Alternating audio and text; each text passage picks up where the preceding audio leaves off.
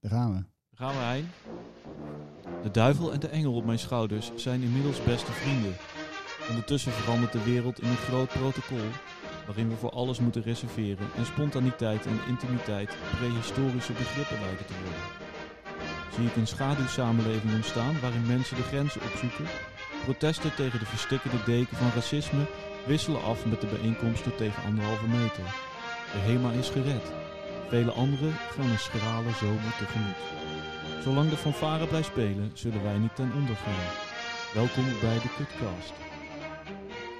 Prachtig, hè, Julius. Ja? ja, is prachtig. Ja, dankjewel uh, Hein. Dankjewel.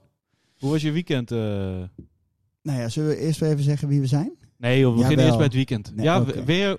Moeten Ja, we nou ik- weer? Ik Ja, vind dat we dat elke keer een beetje, een beetje moeten duiden. Want elke keer kan er niemand voor het eerst luisteren, toch? Ja, dat is waar. Ja. Welkom, lieve mensen, bij deze vierde uitzending alweer. Aflevering. Hein. Ja. Zeg het maar. Eh, nou, ik ben Hein. ja, Hein. Ik ben eh, filmdistributeur van, eh, van beroep. Eh, en zo ken ik Julius. gewezen producent, maar nog steeds producent en maker. die met een idee kwam voor een podcast. Om de filmwereld duiding te geven en te binden. En een beetje over het leven te praten. Zeg En je bent- zo goed? En je bent vader. Ik ben vader, zeker. Ja. Je woont in Rotterdam. zoon. Ik woon in Rotterdam. We, eh, we, gaan- we gaan niet zo diep, hè, nu. Ja, hoezo ik woon in Rotterdam. Ja, nee, is goed. Ja, Je klopt. bent Vader van eh, een kind van twee, een zoon. Rokus. met een hele mooie uh, buitenspeeltuin. Ja, een tuin, ja. Klopt. het begint heel ongemakkelijk te worden. Hoezo? ik weet niet een beetje hoe jij je voelt. ja. Nou ja, goed. Ik ben, eh, ik, ik ben Julius. Ik ken Hein. Ik, eh, ik heb eh, veel films gemaakt. Ik heb veel feesten gegeven. Eh, momenteel eh, probeer ik iets meer dichter bij mezelf te creëren. En eh, minder eh, het eh, op te zoeken in de hele grote projecten. Eh, maar goed, eh, ik eh, vrees dat in de toekomst de grootsheid waarschijnlijk wel weer ergens op mijn pad terecht zal komen. Zo bescheiden. Zo, ja, heel bescheiden ben ik. Maar, ehm, nou ja, nee, maar ik, we zitten hier nu in een hele mooie, prachtige ruimte bij Rebecca van Une. Rebecca, welkom in jouw eigen mooie, opgeknapte studio. Ehm, ja, je was heel zenuwachtig. Je wilde eigenlijk niet. We hebben je, je, we hebben je met... eh, eh, ehm, we hebben je over kunnen halen met een, eh, ja, met toch wel een soort van, eh, ja, ik weet niet, charme-offensief, denk ik. Maar, ehm, hè? kun je iets dichter bij de microfoon Ja, daar zitten, ben heel eh, goed in. Rebecca? Ja, zeker. Ik verschuif hem gewoon weer even zo. Ik ben nou even aan het, aan het zoeken naar mijn, eh, naar mijn, eh, naar mijn draaiboek. Ehm, kun, je, kun, kun je mij zeggen, Rebecca, hoe jij hier eh, terecht bent gekomen in deze ruimte? Deze ruimte. Ja. Ehm, nou, ik zat eerst hierachter, eh in lab 111. Ja? En een vriendin van mij die is stylist en die had deze ruimte, maar gebruikte hem niet optimaal. En toen was eerst het idee om hem samen te gebruiken, zodat ik nog een extra atelier had. Om een beetje te rommelen. Ja? Ehm, maar uiteindelijk heb ik hem overgenomen en werd mijn contract in de andere ruimte niet verlengd. Dus dacht ik, nou dan ga ik hier helemaal zitten. Want ben- jij bent eh, casting director. Ja. Eh, ik denk dat eh, nou ja, veel mensen weten natuurlijk wat dat is. Je, bent, eh, je zoekt de acteurs bij de juiste film. En de, de, kun, kun, jij zeggen wa- wat jij dan zoekt in een, in een ruimte? Wa- waarom jij het hier prettig vindt? Ehm, nou, om te beginnen vind ik het heel belangrijk dat ook andere mensen die hier binnenkomen zich prettig voelen en ehm, ontspannen zijn. En vooral natuurlijk omdat je gaat casten en Mhm. eh, acteurs die binnenkomen zich waarschijnlijk net zo voelen als ik me op dit moment.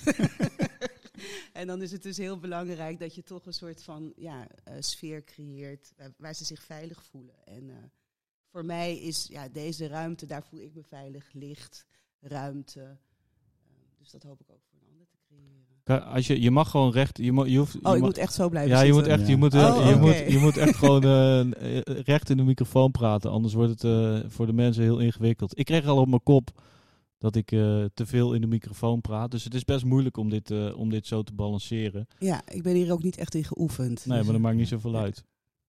Maar goed, ehm, eh, de ruimte dus. Maar hoe, hoe, hoe, hoe, hoe stel jij mensen dan op, hoe, hoe stel jij mensen op het gerust? Want je, be- je werkt best wel veel met mensen die volgens mij niet eh, ervaring hebben om, eh, eh, hoe moet je dat zeggen? Je werkt met ervaren acteurs, maar je bent ook, je cast ook best wel veel mensen die, die, ja, die eigenlijk helemaal geen ervaring hebben met, met acteren.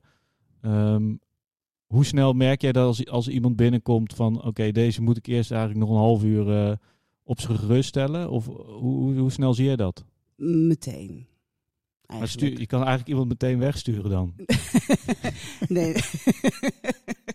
nee, ik bedoel, je hebt ook gewoon dieselmotoren. En dan weet je, volgens mij zit hier wat in. Ja. Maar moet ik gewoon deze persoon even proberen op zijn gemak te stellen. En niet alleen bij onervaren mensen, ook bij hele professionele acteurs is er altijd nog wel een bepaalde spanning voelbaar. En de een gaat zichzelf overschreeuwen. Dus dan moet je weer een knop vinden om dat eh, te temperen en te focussen naar waar het echt om gaat. Ja, en andere mensen beginnen te trillen eh, of iemand sluit helemaal dicht. Het, is heel verschillend. Maar ik voel het wel altijd meteen. En dan heb je dan, en heb je ook soms het gevoel van ik, iemand komt er gewoon helemaal niet uit. En heb je wel, eh, ga je dan wel eens iemand opnieuw eh, laten komen of niet? Ja, ja, maar dat is echt helemaal afhankelijk van de situatie en de persoon. Dat kan ik niet bij iedereen doen. Nee. Dus dan is het weer een intuïtief gevoel waarbij je denkt, god, ja, volgens mij zit er meer in, maar het lukt nu niet. Mhm. Ik wil nog één keer proberen om te kijken of dat iets op gaat leveren. En heb jij, heb jij um, want je bent, als ik jouw IMDb check, want er zijn eigenlijk geen interviews te vinden met jou. Kon je jou vinden in één interview, volgens mij afgelopen vorig jaar, over, over diversiteit in de reclame. Uh, daar kunnen we later in dit gesprek denk ik nog wel een keer op terugkomen. Um, maar als jij, want je bent, 20, je bent nu 20 jaar casting director. Ja. Kun, kun jij ons een beetje meenemen in, jouw uh, in jouw weg, in jouw reis, hoe je dat geworden bent en waarom? Um, ja, even kijken. Ja, ik ben het per toeval geworden eigenlijk. Ik wilde, ik wilde uh, eigenlijk het liefst regisseren. Dus ja. ik had me aangemeld voor de filmacademie. Daar werd ik uiteindelijk afgewezen. En toen ging ik een vooropleiding volgen bij Open Studio. En daar vond ik uh, uiteindelijk aan de muur een briefje dat ze uh, bij een in de tijd groot castingbureau, Harry Klooster Casting, um, een, um, iemand zochten voor achter de camera. En daar ben ik toen gaan werken achter de camera. Maar al gauw merkte ik van, oh, dit vind ik interessant. Dat werken met die acteurs. En dat werd daar ook opgepikt. Dus toen kreeg ik een baan aangeboden.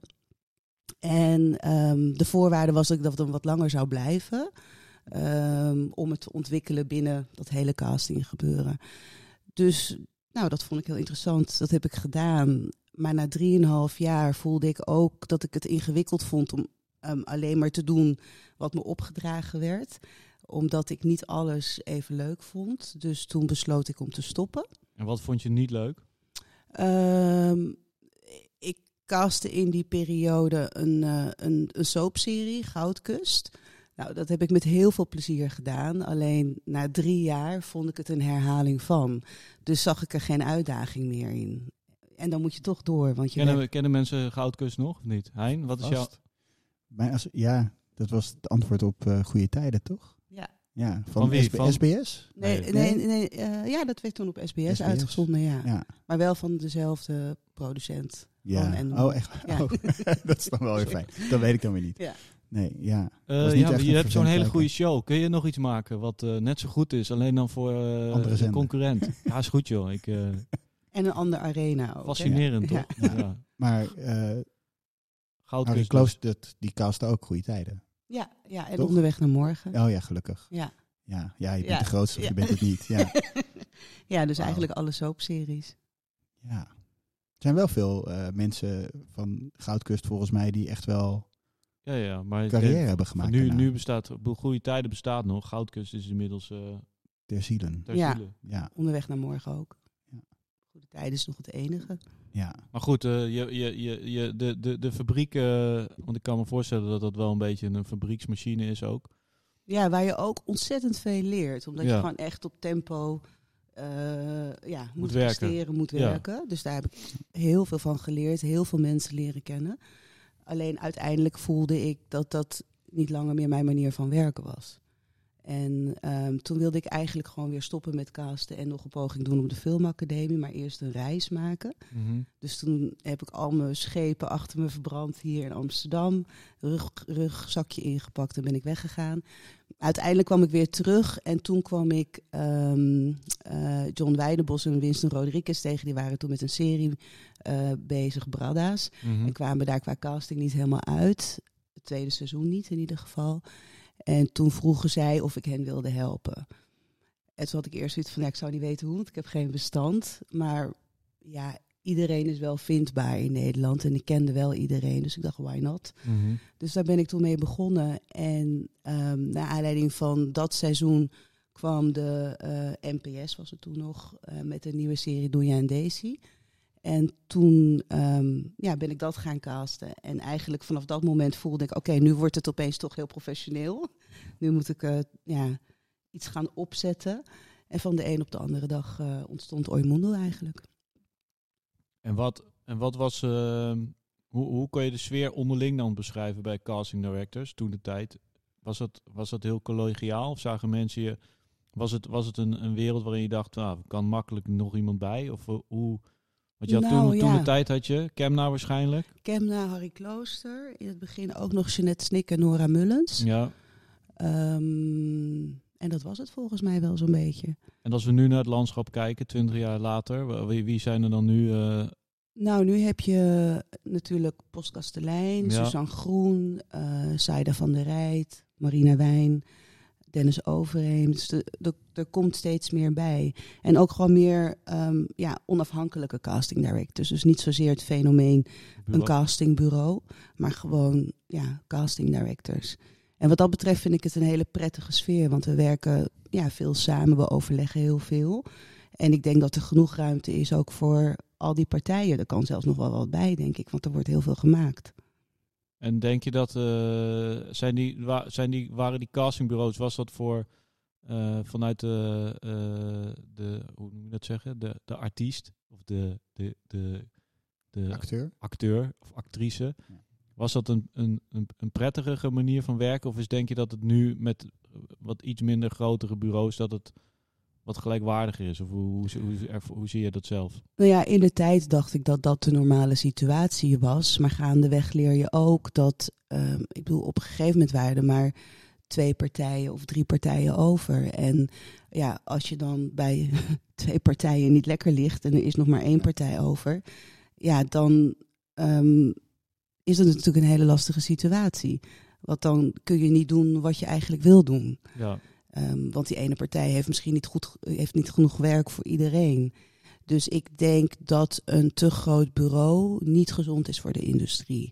Ik denk, ik bedoel, het is pas later toen ik ehm, ook meer internationaal heel veel casting directors leerde kennen, dat ik erachter kwam dat het een hele rare situatie is waar wij in zitten in Nederland. Want in het buitenland ken je dat eigenlijk niet, een groot castingbureau. Het zijn eigenlijk allemaal casting directors die een aantal assistenten hebben. En die assistenten die groeien, groeien, worden op een gegeven moment associate en gaan ook weer voor zichzelf beginnen. Dus er is ja, veel meer keuze uit de casting directors. Ehm, en het is ook veel gezonder en collegialer. En dat merk je nu ook, dat het ook veel collegialer wordt. En, eh, wa- want is Nederland, dan kun je dat, kun je dat schetsen dan? Is dat, is dat echt eh, Nederland met, met die grote bureaus was, is dat echt uitzonderlijk voor de rest van de wereld? Ja, ja, ik had echt een aantal agenten in, eh, in Engeland die zeiden: Ik snap niet dat dit bestaat. Dat is niet normaal. Het is, het is, het is ongezond en een te grote belangenverstrengeling. En ja, ik had het ook nooit zo bekeken. Want toen ik begon, dacht ik ook: oh ja, ik moet nu een bureau beginnen. Mhm. En ik moet groeien. En het groeide ook. Ik bedoel, Ja. op een gegeven moment zaten we met z'n achten, negenen. Maar het is pas later dat ik daarover na ging denken en dacht: oh ja, ik kan me voorstellen dat je daarmee ook een onveilige omgeving voor acteurs creëert. Weet je wel, dat het te groot, te machtig, te veel belangenverstrengelingen.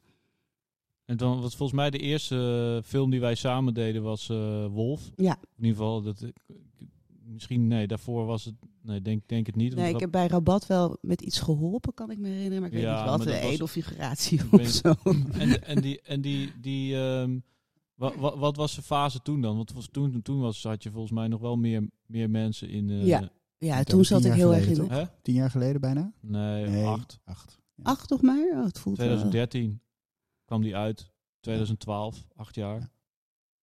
Ja, toen zat ik eigenlijk midden in de groei. Toen ging het heel hard. En ehm, ik denk dat het ook wel een hele belangrijke fase is geweest. Omdat je je op de een of andere manier dan toch ook ergens op de kaart zet. Ja, Maar ik denk dat niet lang daarna ook wel echt het kantelpunt kwam bij mezelf. Ehm, even los van het feit dat ik dacht van ja, het is veel gezonder voor de industrie als je veel meer partijen hebt die ook casten.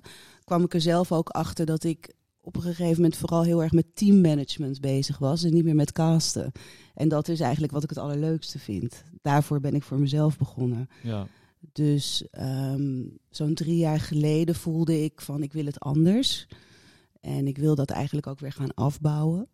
Ehm, zodat, er, ja, zodat je ook niet meer alles aan hoeft te nemen, maar gewoon. Tenminste, ik, ik, ik nam al niet alles aan. Maar soms moest je wel dingen aannemen om salarissen te betalen. Ja. En ehm, op een gegeven moment voelde ik ook dat wil ik niet meer. Dus eigenlijk sinds drie jaar geleden ben ik dat weer gaan afbouwen. Tot vandaag ben ik weer alleen en werk ik met freelancers als het heel druk is. ja. En dat bevalt me eigenlijk heel goed. Want dan hoef je ook niet alles meer te doen.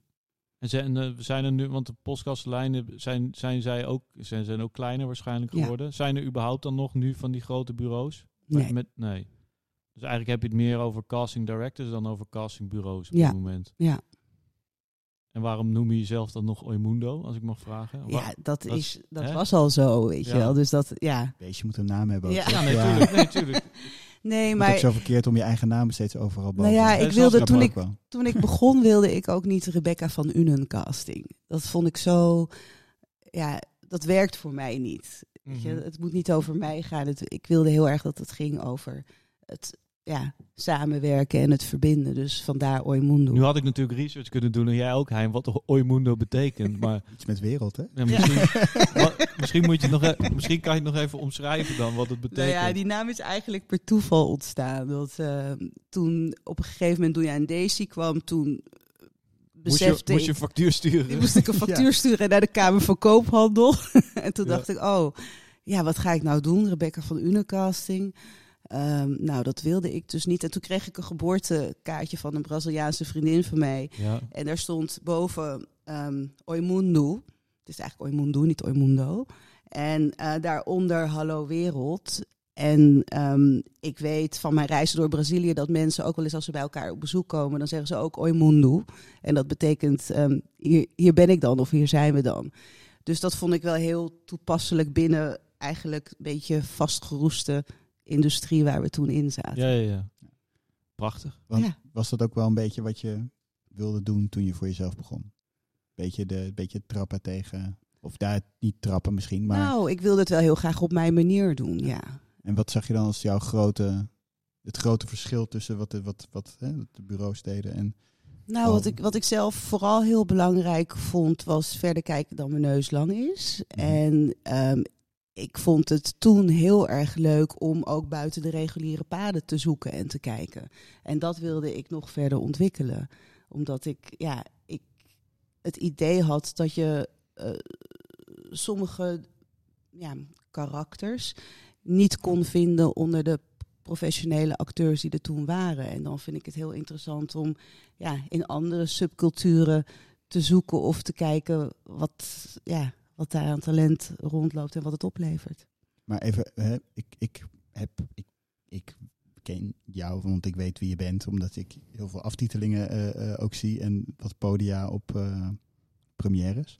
maar heel eerlijk, ik weet ook niet precies hoe alles eraan toe gaat bij productie van een film. Want daar laat ik over aan de professionals. Mhm.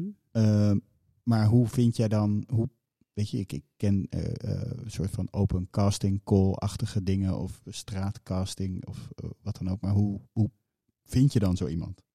Ja, dat is dus dat verschil. Loop je over straat? Ja, ik, ik heb ik, de laatste tijd iets minder, maar ik heb in de eerste jaren van Oimundo, Doenja en Daisy, heb ik voor de helft op straat gecast.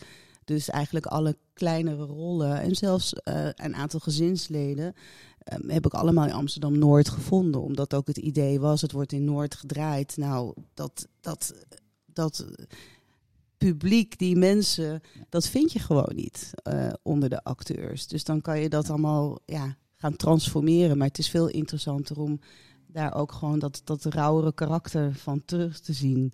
Dus ehm, ja, ik heb dagenlang in Noord uh, ja, zitten scouten. En voor Lange Licht van David Lammers ook. Echt allerlei bokschooltjes afgegaan. En ik bedoel, soms heb ik daar niet voldoende tijd ook meer voor. Maar ik vond dat wel een van de leukste processen om te doen. En hoe groter je wordt, hoe makkelijker ook natuurlijk weer mensen naar je toe komen. Of uh, mond op mond mensen zich ook weer inschrijven via die mensen die je op straat hebt gevonden, bijvoorbeeld. Dus het, het, gaat nu wat makkelijker. En toen was er ook nog geen social media. Niet dat ik zo'n social media queen ben, maar als ik echt op zoek ben naar iets, dan ja, gebruik ik nu ook wat vaker Instagram of Facebook. Ja. Um, eigenlijk alleen maar daarvoor, want ik, ik, zit verder niet op social media. En denk je, want de, de, kun jij. Want ik, ik heb, wij hebben natuurlijk meerdere films gedaan. Met, en de ene keer. Uh, je hebt natuurlijk altijd een bepaald budget als je een film maakt voor je casting. Um, in hoeverre kan jij van tevoren al weten van oké, ik heb nu wel of niet voldoende tijd om dit om deze klus te klaren? Wanneer is iets, wanneer is iets, laten we zo zeggen, wat is het spectrum uh, aan casting? Want op het moment dat je een film maakt, kun je zeggen, nou, ik heb een script, en ik weet dat ik heel veel sets moet bouwen, of ik moet heel veel dit doen, of ik moet heel veel dat doen, daar kun je een bepaald budget op zetten. Casting lijkt altijd een beetje een fluïde, uh, ja, fluïde is ingewikkeld, maar je weet eigenlijk, het moet goed zijn, want je, het is uiteindelijk het een van de belangrijkste kernelementen van je film. Maar in hoeverre ehm, hoe kijk je daar zelf tegenaan? Want ik kan me voorstellen dat je, dat je daar een ander beeld van hebt dan een producent of een, of een regisseur of een distributeur.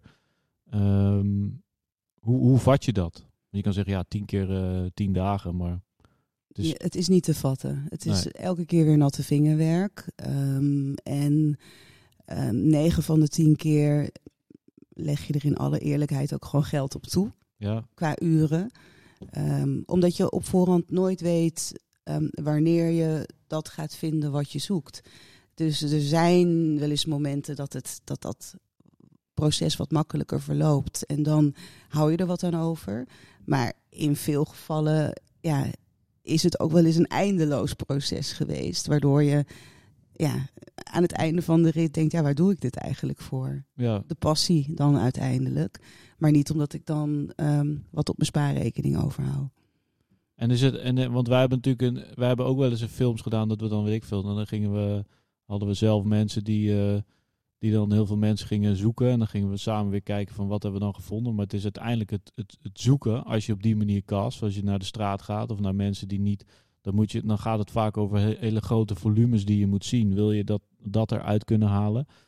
Um, zou je daar meer ruimte en tijd voor willen hebben als je, als je op die manier zou willen casten? Denk je dat dat nou, als je op die manier zou willen casten, meer ruimte, meer tijd, maar ook meer geld dan daarvoor. Want uiteindelijk moet je ook gewoon je onderneming draaiende houden. En ja. um, het, is niet alleen zeg maar het zoeken, het echt werken in de studio met mensen, is ook behoorlijk arbeidsintensief. En dat, dat, dat onderschatten mensen ook wel eens, weet je wel. En niet alleen het, het casten in de studio, alles eromheen. Het voorbereiden, mensen begeleiden en uiteindelijk ook het afbellen van mensen. Um, daar gaat ook heel veel tijd in zitten. Ja. Vooral als je voor een grotere rol aan het casten bent, dan ga je niet met een e-mailtje: hey, sorry, dank je, het was niks. Heb je niet een artificial intelligence assistant die gewoon mensen kan afbellen? Sorry, u bent het niet geworden. Ja. ja. Nou ja, kijk, voor sommige, voor sommige opdrachten kan het op die manier.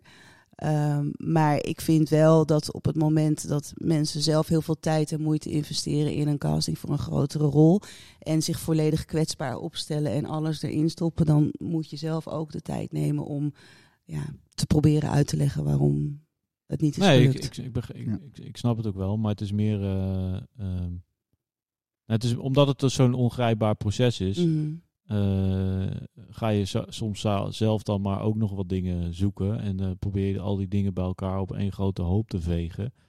Uh, maar kun, kun je wat zeggen, to, toen jij begon met casten, was het, was het casten op straat of in dingen, was, was dat minder gebruikelijk, denk je? Of was dat, ja? Ja, ja, dat was toen wel echt minder gebruikelijk. Ja, in, in bij commercials gebeurde het wel heel veel. Ja. Maar bij film was dat toen nog niet, of tv-series nog niet heel gebruikelijk. En kun je, de- zou je kunnen, wa- waarom denk je dat dat zo was? Lange stilte. Ja, ehm, ja, omdat ik aan het denken ben Ja, nee, weet ik. waarom het zo was. Ja, nee. Dat kan ik eigenlijk even niet bedenken. Nou ja, met grote bureaus, dat er sluipt vaak gewoonte in, toch? Ook. Dat zie je ook bij andere grote bedrijven. Ja, en Dan- dan- tijdsgebrek ja. denk ik ook. Je, je gaat dan toch, je werkt onder een bedrijfsstructuur. Ja, Dus dan is er misschien ook weinig ruimte om echt de straat op te gaan. Ik moet wel zeggen, op een gegeven moment, op een gegeven moment ging ik bij Harry Kloostercasting een politieserie draaien. Ehm, en dat speelde zich heel erg eh, af in het Amsterdamse. En daar kreeg ik toen wel wat meer ruimte om ja, ook echt de straat op te gaan. En vooral omdat er ja, elk script, elke aflevering was heel divers. Op een gegeven moment waren er vluchtelingen uit Ethiopië waar een hele aflevering over ging. Nou ja, dat kan je gewoon echt niet onder de acteurs vinden. nee. Dus dan moet je wel. En heb jij, eh, als jij, als jij scripts, ehm, eh, hoe vaak zeg jij nee tegen een film? Ehm, ja, best, best vaak. In de laatste tijd iets vaker eigenlijk zelfs En op ook. basis waarvan doe je dat dan? Ehm, is natuurlijk niet één reden, maar een beetje. Nee, nou ja, of, of eh, belangrijkste is, heb ik tijd? Omdat ik wel vind dat je echt ehm, ja, voldoende tijd moet besteden aan een project. Eh, maar ook in een situatie zit waardoor je nooit, je kan nooit e- één project tegelijkertijd doen. Juist omdat het zich vaak uitsmeert over een langere periode. En het budget ehm, die langere periode niet helemaal ehm, dekt. Ja. Dus ehm, je moet altijd wel de keuze maken om een aantal projecten naast elkaar te doen. En op het moment dat je voelt dat die projecten heel tijdrovend zullen gaan zijn, dan kom je ook nog wel eens in een situatie terecht dat je voelt, ik kan dit er niet meer bij hebben. Ehm, en een ander ding is ook wel dat ja, soms lees je een script en ik wil niet zeggen dat ik iets dan niet goed vind, maar dan voel ik, oh mijn hart gaat hier nu niet sneller van kloppen. Ehm, en dat is wel het begin ehm, wat je nodig hebt om enthousiast te worden en vooral acteurs te enthousiasmeren. En dat is altijd een heel. Ik had laatst ook weer zo'n situatie waarbij ik dus moest zeggen. eh, Ik had het gelezen en moest zeggen: ik ga het niet doen. Dat is heel lastig, want je zegt dan nee tegen iets wat heel persoonlijk is van de maker die aan jou vraagt of, je- of je geïnteresseerd zou zijn om het te casten. En het gaat dan echt niet over het feit dat ik het niet goed vind, maar dat ik, ja, ja, dat ik gewoon voel. Het is gewoon een intuïtief gevoel. Waarbij een soort enthousiasme ontbreekt. En dan voel ik gewoon, ja, dat moet ik niet doen. Ja. Terwijl ik me voor kan stellen dat iemand anders het wel heeft. En dan is je project daar eigenlijk veel beter af dan bij mij. Ja, snap ik.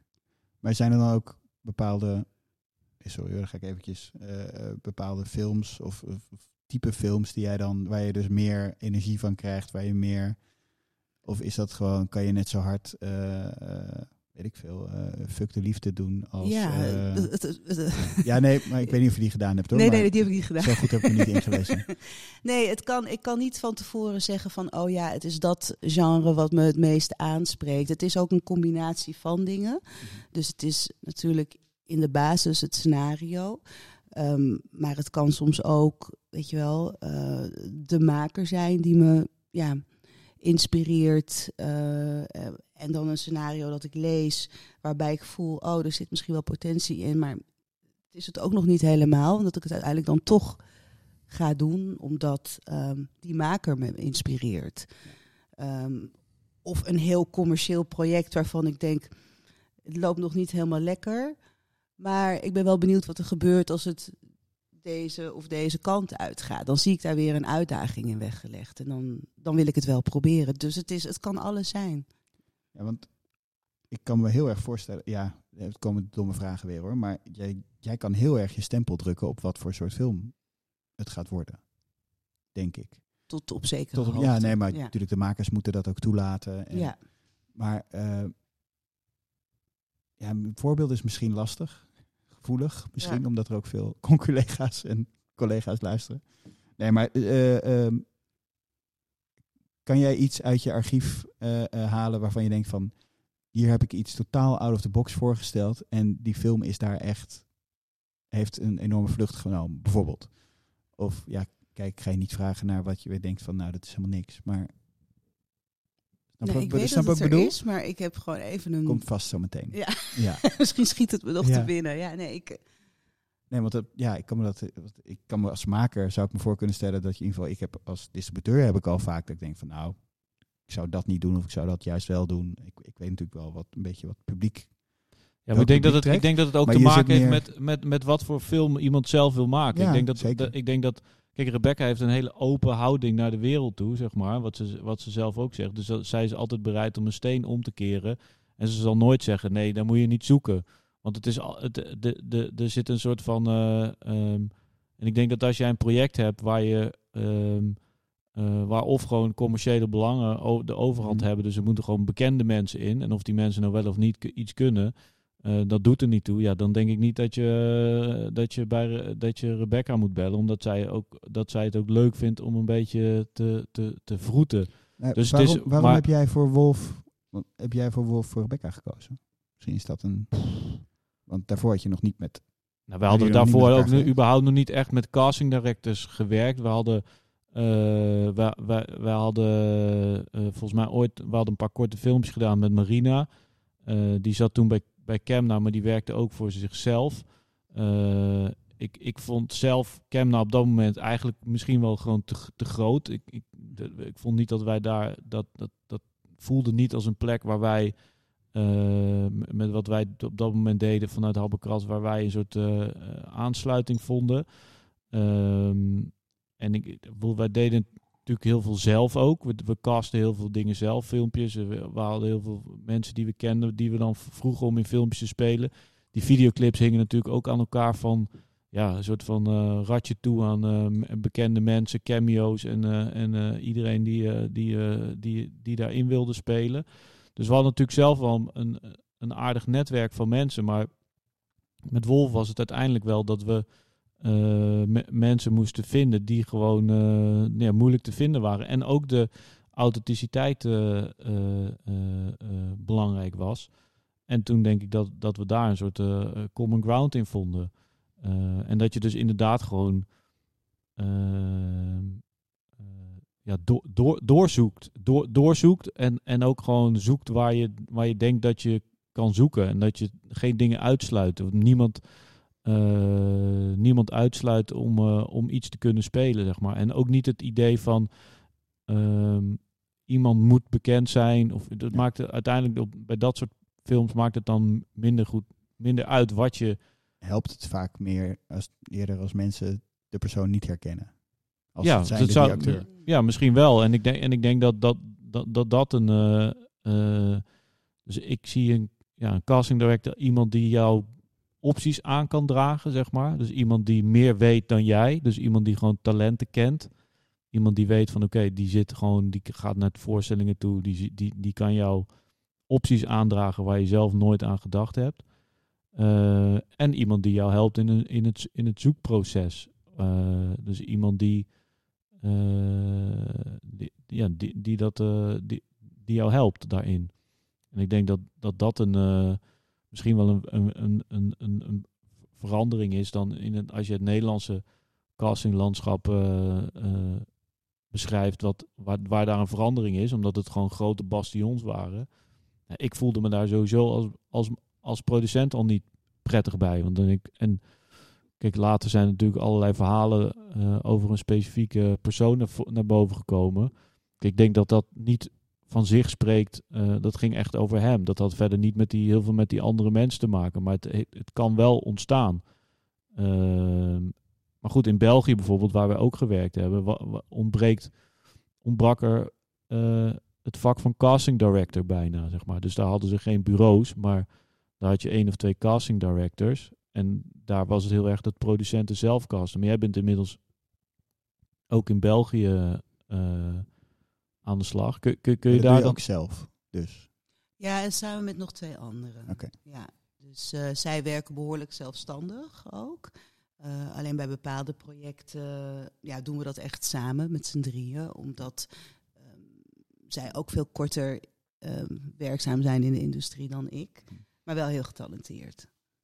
En is dat dan ook, eh, omdat er steeds meer projecten ook, er wordt natuurlijk financieel wordt het heel erg gestimuleerd hè, om samen te werken met België. Ja. Is dat dan ook een reden voor jou geweest om te kijken van joh, er is zoveel andere- vraag naar. eh, Onder andere, maar ik ben ook wel echt groot liefhebber van wat er in België gemaakt wordt. Ja. Ik ben zelf half Belgische, dus ik wilde ook wel weer enigszins terug naar een deel van die route. ja. en ehm, ja, ik, ik Kun je dan de tweede helft van het met, een- met een Belgisch accent praten? Of nee, kan dat dat kan niet? ik niet meer. Ah. Nee. Kan je niet? Nee, ik kan, of wil- ik kan het echt niet meer. Nee, het is echt uitgesleten. Dat is echt heel gek. Grappig. Heb Ja. je dan niet als je daar bent, tussen de mensen, dat je dan weer een beetje erin glijdt? Dan begin ik opeens wel licht anders te Ja. praten. Tenminste, vooral als ik bij mijn familie ben en Ja. ik ben daar twee weken. Ja. Dan, En welk, deel, welk deel van België dan? ehm, Hent. En t- oeh, dat is ook onverstaanbaar. Ja. Ja. West Gent of Hent? Hent, zeggen ze in Hent. België. Hent. Gent, ja. Ah, oké. Hent. Ja. Ik heb met de, de vrienden van Lumière, die jij ook wel kent, eh, Julius, Zeker. een distributeur, en, die zijn gebaseerd in Gent. Daar heb ik een paar jaar voor gewerkt. Dus Ja. dat is, er waren wat collega's die zelfs voor de Belgen onverstaanbaar waren. Ja, Ja, ik Dus, kan alle eh, dialecten vrij goed ja. verstaan. Maar je Maar hebt, ook, je hebt daar gewoond ook echt. Eh, nee, tot mijn vijfde. Ik Ja. ben geboren tot mijn vijfde. Maar mijn, mijn halve familie woont daar nog. En die wonen ook eh, in de omliggende dorpen rondom Gent. En daar praten ze behoorlijk plat dialect. Dus Ja. ik heb wel een oor voor de dialecten En heb je, want waar zit je, waar zit je kantoor dan in België? in Antwerpen. En kun je, kun je iets zeggen over hoe jij dat, eh, want wanneer ben je daarmee begonnen in eh, België? In 2017. En ik wist wel al van, nou, ik wil dat niet helemaal alleen doen. Ik zou het fijn vinden om een partij te vinden met wie ik het samen kan doen. Ehm, en toen liep ik Hakuna tegen het lijf. Volgens mij ook nog ooit via jou. Is dat zo? Ja, kan ik me vaag herinneren. Volgens mij heb jij het ooit over Hakuna gehad. Toen ging ik me daarin verdiepen. En toen... ehm, Ja, ik weet dat eh, het was toen met. eh, ik weet dat Hendrik van E-team die was toen bezig met. of Die werkte met Adil en Bilal. ja, En zij waren toen dat begonnen volgens mij om eh, een aantal projecten. eh, dat ging vooral om die. even weer wat context eh, geven. Oh ja, hè? Mr. Context. Geef jij even context. eh, Die Hein. zijn Adil en Bilal. Want niet iedereen weet dat. Iedereen zou het moeten weten. Ja, iedereen zou het moeten weten. Iedereen maar zou het moeten eh, weten. ja, regisseurs van eh Patser. En eh, daarvoor. Image. Eigenlijk de eerste film was Image. Daarna kwam eh, eh, Black. Black. en Patser. En toen eh, hebben ze een Amerikaanse serie gedaan. En eh, volgens mij, ik weet alleen niet hoe, welke Bad Boys. Hoe, nummer, Drie. nummer drie. Nummer Bad drie, Boys ja. 3 hebben ze gedaan. Bad Boys for Life. Bad Boys for Allee. Life. En eh, nu zijn, inmiddels zijn ze... ehm, en nu ben ik de context aan het geven. Jij, Ja, dat jouw het rol, eh, Hein. Sorry. Eh, volgens mij, Nee, wat, ze nu ook Nu- wat, gingen ze nu, wat gingen ze nu ook alweer doen? Hard aan doorbreken. Volgens mij Ja. gaan ze, staat er een grote Marvel op eh, Ja. stapel. Ja, inmiddels? Een grote Marvel, Ik weet dat ze, ze waren volgens mij nog iets met eh, Jerry Bruckheimer aan het doen. Ja, Ze zijn nu in. België iets aan het draaien. Ja, ze waren een serie aan het doen. Ja, grond. En Ja, ze hebben nog een film. Maar goed, eh, bedankt. Graag Ja. gedaan voor de tip, alsjeblieft. Gratis, gratis tip. Maar ehm eh, Hakuna, ja, want zij, zij waren natuurlijk, eh, eh, ja, soort voor, zij, zij wilden natuurlijk ook gewoon me- verschillende soorten mensen op het beeldscherm brengen. Ja. Eh, ehm, in Nederland heb je nooit echt zo'n hele bewuste, ja, je hebt nu, ja, nee, niet, niet zo'n bewuste casting push gehad. Zij hebben dat echt bewust heel erg ge- gestimuleerd. Maar kun, kun je daar iets meer over zeggen? Over, over hoe je met hun daar... eh, Nou ja, ik vond gewoon hoe zij begonnen, dat deed me heel erg denken aan hoe ik zelf ook begon. Alleen Ja. niet zo. eh, kijk, Hakuna was heel erg naar buiten toe. ja, Ehm, ik was dat wel wat minder, maar feitelijk. Nou ja, er ik zijn wel- geen interviews te vinden met jou. Dus eh, je, je, je hebt het niet, je hebt het niet heel hard van de daken... gaat het nu toch? Je hebt het niet heel hard van de daken afge- afgeroepen.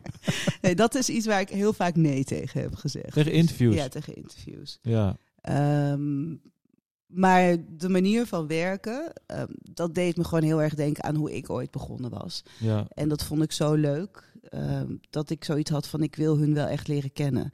Dus toen heb ik een aantal gesprekken gehad. En op een gegeven moment was het idee om dan meer samen te werken. Ehm, het probleem was alleen dat er eh, op een gegeven moment een incident was gebeurd in België met iemand die bij Hakuna had gewerkt, waardoor het toch even op een negatieve manier ehm, onder de aandacht kwam. En toen hebben we eigenlijk in overleg besloten van nou, laten we dan gewoon qua casting daar ook Oimundo van maken. Ja. Ehm, zodat we eigenlijk onder die vleugel verder kunnen. Hakuna bestaat nog steeds, ehm, maar is dan meer gericht op workshops op, uh, workshops op scholen uh, voor jonge makers. Um, ja, wat doen ze nog meer? Ik, weet niet wat ze precies doen, maar in, ieder geval niet meer casten. Ja. En, en, en zij zijn nog wel betrokken dan bij, bij, die, bij, dat bureau, bij dat bureau of bij jou? Of is het eigenlijk helemaal los weer van elkaar? Um, het zijn partners, maar ze zijn inhoudelijk niet meer echt betrokken, omdat iedereen daar te druk voor is. Behalve dan dat um, Matthias en Celine, um, die bij Hakuna werkten, ja. die werken nu bij Oimundo. Dus dat is het deel van Hakuna wat naar Oimundo is gegaan. Oké. Okay. En doe je wel hun films en series dan? Of dat ook niet per Ja. definitie? Jawel. En kun, je- iets zeggen hoe jij, want als je, als je dan eh, naar, naar België keek, eh, wat, wat daar dan de verandering is, is geweest? Als je in Nederland zou kunnen zeggen, we zijn hier van, van meer van bureaus naar casting directors. Hoe, hoe, hoe daar, ehm, want toen ik voor het eerst in België ging werken, ja, had je wel, er waren er minder dan in Nederland. Of je bent dan toch gewend aan een bepaalde infrastructuur. En diezelfde infrastructuur zoek je dan. Dat is natuurlijk heel dom eigenlijk, want overal zijn dingen anders. Maar dan, dan ervaar je dat, dat daar vooral de producenten zelf eh, casten. Kun, Ja. kun je daar iets over zeggen? Nou ja, ik heb wel het idee dat dat langzaamaan een klein beetje begint te veranderen ook. Ehm, en ik denk dat dat misschien ook wel komt door het feit dat er gewoon meer co-producties zijn. Dus dat je ook vaker ook rollen vanuit het buitenland haalt. Eh, plus dat ook in België eh, er een grotere vraag is naar diversiteit. En dat dat helaas nog niet voldoende afstudeert op de toneelscholen. Dus ook daar moet je dan weer eh, ja, buiten de reguliere paden gaan zoeken. En dat, dat zijn paden waar niet alle producenten van op de hoogte zijn. Dus ook daar merk je dat eh, casting een belangrijkere functie krijgt. Of, ik werk nu op drie Belgische projecten. Waarbij het zeker zo is dat de producenten en de regisseurs eigenlijk op voorhand al mensen in hun hoofd hebben. Omdat het is, het is maar een kleine pool eh, in België qua acteurs. Ja. Maar mijn kijk op de Belgische acteurs is anders dan de kijk van de Vlamingen op hun eigen Vlaamse acteurs. Dus ik werk nu bijvoorbeeld op een project waarbij ik een aantal rollen echt cast. Ehm, en een aantal rollen door de regisseuse zelf worden gecast. Maar de producent wel heeft gevraagd of ik daarin mee wil kijken en het, het klankbord wil zijn. Om gewoon ja, mijn visie dan daarop te geven. Ja. Maar voor de rest is er niet heel veel. Is er, zou je het, is, er een heel, is er een groot verschil ten opzichte van hoe, hoe acteurs zich bijvoorbeeld eh, op- opstellen ten opzichte van. eh, zijn er bijvoorbeeld net zoveel agents in, eh, in België? Nee, maar dat begint wel te komen en te groeien. Wat Ja. ook belangrijk is. Ik denk dat dat heel goed is, gewoon echt om de markt professioneler te maken. Ook hier in Nederland. Weet je wel, het zou eigenlijk heel gezond zijn als elke acteur gewoon een agent heeft. Dat is gewoon heel prettig, omdat je dan de emotionele ruis weghaalt. Emotionele ruis tussen soms een producent en een acteur. Nee, zeker. Dat kan ik. eh, Niet meer zo persoonlijk allemaal. Ja, precies. We zijn toch altijd een beetje geneigd om het heel familiair te benaderen. Juist Ja. in landen met een kleine industrie. En ik vind dat ehm, zowel een producent als een acteur, als er, iedereen moet de vrijheid kunnen hebben om creatief nee te zeggen. En het wordt hier vaak toch heel persoonlijk genomen als je nee zegt. En een agent kan een heel goed filter zijn daarin. Ja. Want het mag niet zo zijn dat als je als acteur bijvoorbeeld je grenzen aangeeft of zegt nee, ik wil het niet, dat dan de reactie is, nou dan ehm, vragen we die de volgende keer niet meer. Ja. Of dan, weet je wel, dat dat je carrière kan beïnvloeden. Ja. Ik vind dat al die dingen wel echt losgekoppeld moeten worden. Bij die grotere bureaus vroeger gevoeliger lag misschien. Eh, zou, ja, zou, eh, zou kunnen, ja. Ja. Ik denk ook wel dat het afhankelijk is van hoe je er zelf in staat. tuurlijk. Ja. Maar ja, je moet het proberen zoveel mogelijk te vermijden. Nee, maar ik denk ook sowieso dat het goed is. Je moet ook gewoon afgerekend kunnen worden op wat, wat, je, wat je doet en presteert. En dat is altijd makkelijker als het professioneel is. Ja, in plaats van vriendendienst. En zelfs als je de fout ingaat, vind ik dat je nog een kans moet krijgen. Tuurlijk. Ja. Halverwege, halverwege, ja, toch, sorry, het is toch niet gelukt. Ga maar, ga maar naar huis. Eh, We gaan weer opnieuw filmen. Nee, nee, maar ik, ik, denk wel dat, ik denk wel dat het een punt is. Alleen ik denk, ja, het blijft het, de, de eh, laten we zo zeggen. Ik merk wel dat op het moment dat je natuurlijk eh, een carrière opbouwt, dan ben je vaak, natuurlijk begin je met, eh, je begint met niks. Dus je bouwt het samen op. En ik heb, laten we zeggen, ik heb dat zelf wel gemerkt. Dus dat je, als je vanuit het niks dingen opbouwt, dan gaat het natuurlijk heel erg om loyaliteit en om, om, om, om, om die samen, samenwerking. Op het moment dat het groter wordt en geld in het spel komt, of niet zozeer, maar en, en veel andere eh, belangen en agenten, dan, dan kan dat wel ook weer onder druk staan. Juist omdat sommige dingen gewoon juist weer op, die, op, op, op dat verleden en op die vriendschap gebouwd zijn. Dus dan, dat is, ik merk dat het bij eh, mensen met wie je dat dan niet hebt, of laten we zo zeggen, niet zo'n geschiedenis hebt, dat dat mak makkelijker is. Met de mensen met wie je eh, nou ja, een soort van eh, relatie opgebouwd hebt vanuit het eh, verleden, dat dat soms ingewikkelder is. Omdat je dan juist, omdat er ook vriendschappen zijn, zeg Ja. maar. Dus dan, en dan, dan is het weer, nou ja, de, de altijd ingewikkelde samengang tussen vriendschap en, en zaken doen. En dan is het ook nog persoonlijk, want het is, het is creativiteit, het is kunst. Dus het is ook gekoppeld aan, aan jouw eigen kun, het is gekoppeld aan jouw fysiek of aan jouw, eh, eh, aan jouw eh, hoe moet je dat zeggen? Ja, wie, aan wie Aan je, je zijn. Ja. ja, aan je, aan je Ja. zijn en aan je Ja. imago. Of het, is, het, is, het, ligt, het ligt natuurlijk wel gevoelig. En ik, Ja. ik, het liefst zeg je natuurlijk gewoon ehm, nee. Alleen denk ik dat er, nou ja, dat er veel acteurs zijn die. Er zijn niet zo heel veel acteurs, denk ik, die echt heel veel nee zeggen. Ik denk toch dat er ook heel veel mensen zeggen, nou ja, dan doe ik het toch gewoon. Ehm, sommige mensen zitten denk ik in de luxe dat ze nee kunnen zeggen, omdat ze gewoon financieel. eh, Ja, maar ja, het is ook niet echt de enorme vetpot die heel veel mensen denken dat het is. nee, en, Nee. En, en, Ja. misschien is die, en misschien wil de ene een grotere vetpot dan de ander. Wil, eh, Ik Ja. denk dat dat ook een verschil maakt. Weet je? Ja. Wat, wat, voor, eh, wat voor auto wil je rijden? Wat, eh, dat wat- is ook nog Hè? steeds iemands Ja. goed recht, vind ik. Zeker, absoluut. ergens. Tuurlijk. Tot op zekere hoogte natuurlijk als je het hebt over de gesubsidieerde projecten. Ik bedoel, daar kan je niet het Nee, dan heb je de, balk en de norm, gelukkig. Hè? Dan komt de, ja, Nee, maar het is, het, is, eh, ja, het, is, het, het is belangrijk om het altijd te proberen te blijven scheiden. Op de een of andere manier. Ik, er was ook een tendens dat, eh, dat was al wel heel lang geleden, maar dat acteurs dan niet zeiden: ehm, Ik ben niet geïnteresseerd, maar zeiden: Ik ben niet beschikbaar. Terwijl ik, ik werk er echt heel hard aan om een acteur te kunnen laten zeggen: Ik ben niet geïnteresseerd en waarom niet? ja. Ik word daar echt nooit boos over. Maar ik vind het gewoon juist fijn om te weten waarom niet. En misschien kan ik een volgende keer meedenken. Of weet je wel, elke keer is anders. Maar waarom zou je moeten gaan liegen omdat je iets niet wil doen? Dus als we, ja, als we zo'n industrie creëren, zou ik dat heel ongezond vinden. Dus eerlijk zijn. Ik vind eerlijk zijn heel belangrijk, ja. Ook op premières dan? nou ja, het probleem is dat ik, ja, ik kan niet liegen. Dus, Ja. ehm, nou ja, goed, wat ik nu dan zeg, dan geef ik mezelf prijs. Maar meestal als ik het niet goed vind, dan zorg ik dat ik wegga. Ja. Om Dus niet de brengt- confrontatie te hoeven aangaan. Dus je op bent, de niet je bent niet beschikbaar dan. Ja, ja, ja. Voor het gesprek.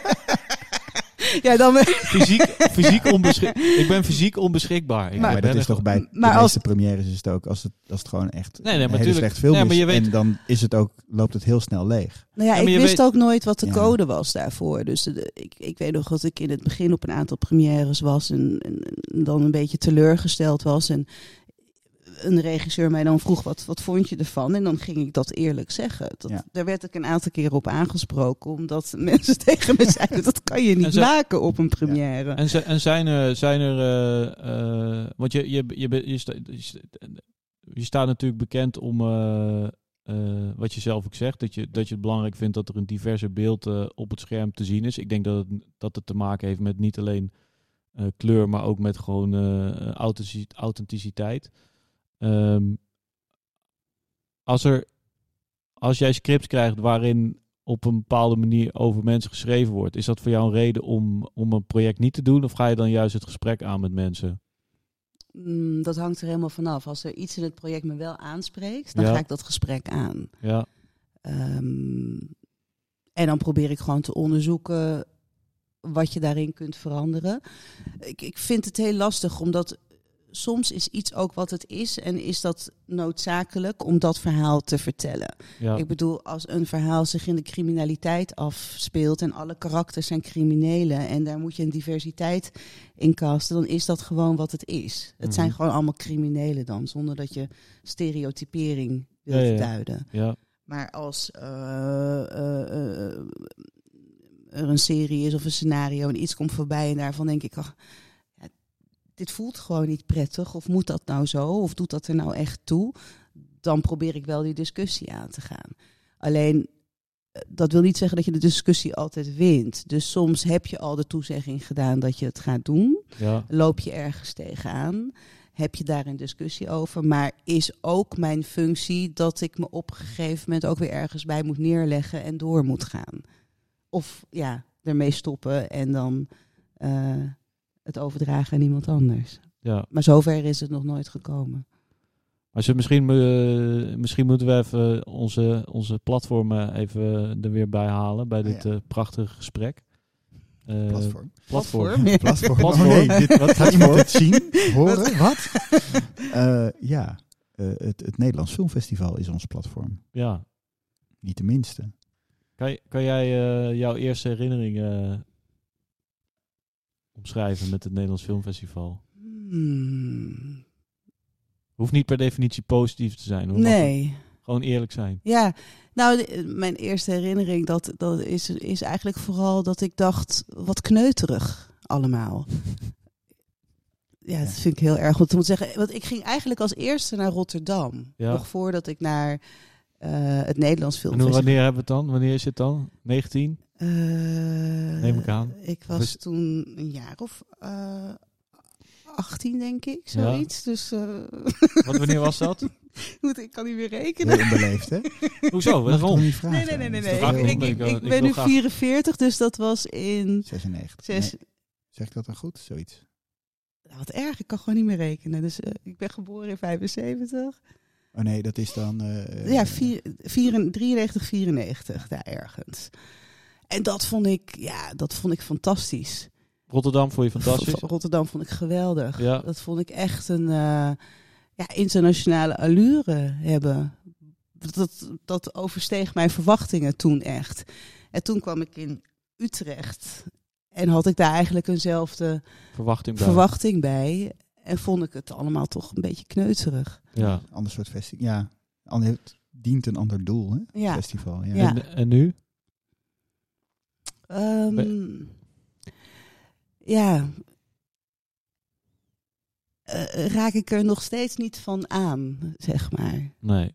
Ik weet niet wat het is. Als ik er niet hoef te zijn, dan probeer ik het eigenlijk ook liever te vermijden. Maar dat heeft ook meer te maken met dat bijvoorbeeld Rotterdam, daar kom je de industrie soms ook tegen. Maar omdat het internationaal is, ehm, heeft het ook een bepaalde anonimiteit Ja. af en toe.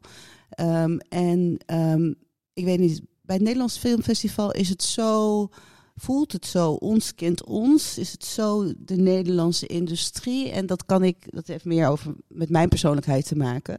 Eh, Het ene moment kan ik daar prima in gedijen. En het andere moment dan, dan komt het op me af en dan raak ik overprikkeld. En dan wil ik er zo snel mogelijk eh, Ver- weg. van weg. Ja. En, eh, maar je eigen films en premières ga je dan, ga je dan wel? Als ik beschikbaar ben, ga ik altijd. Ja. Ja.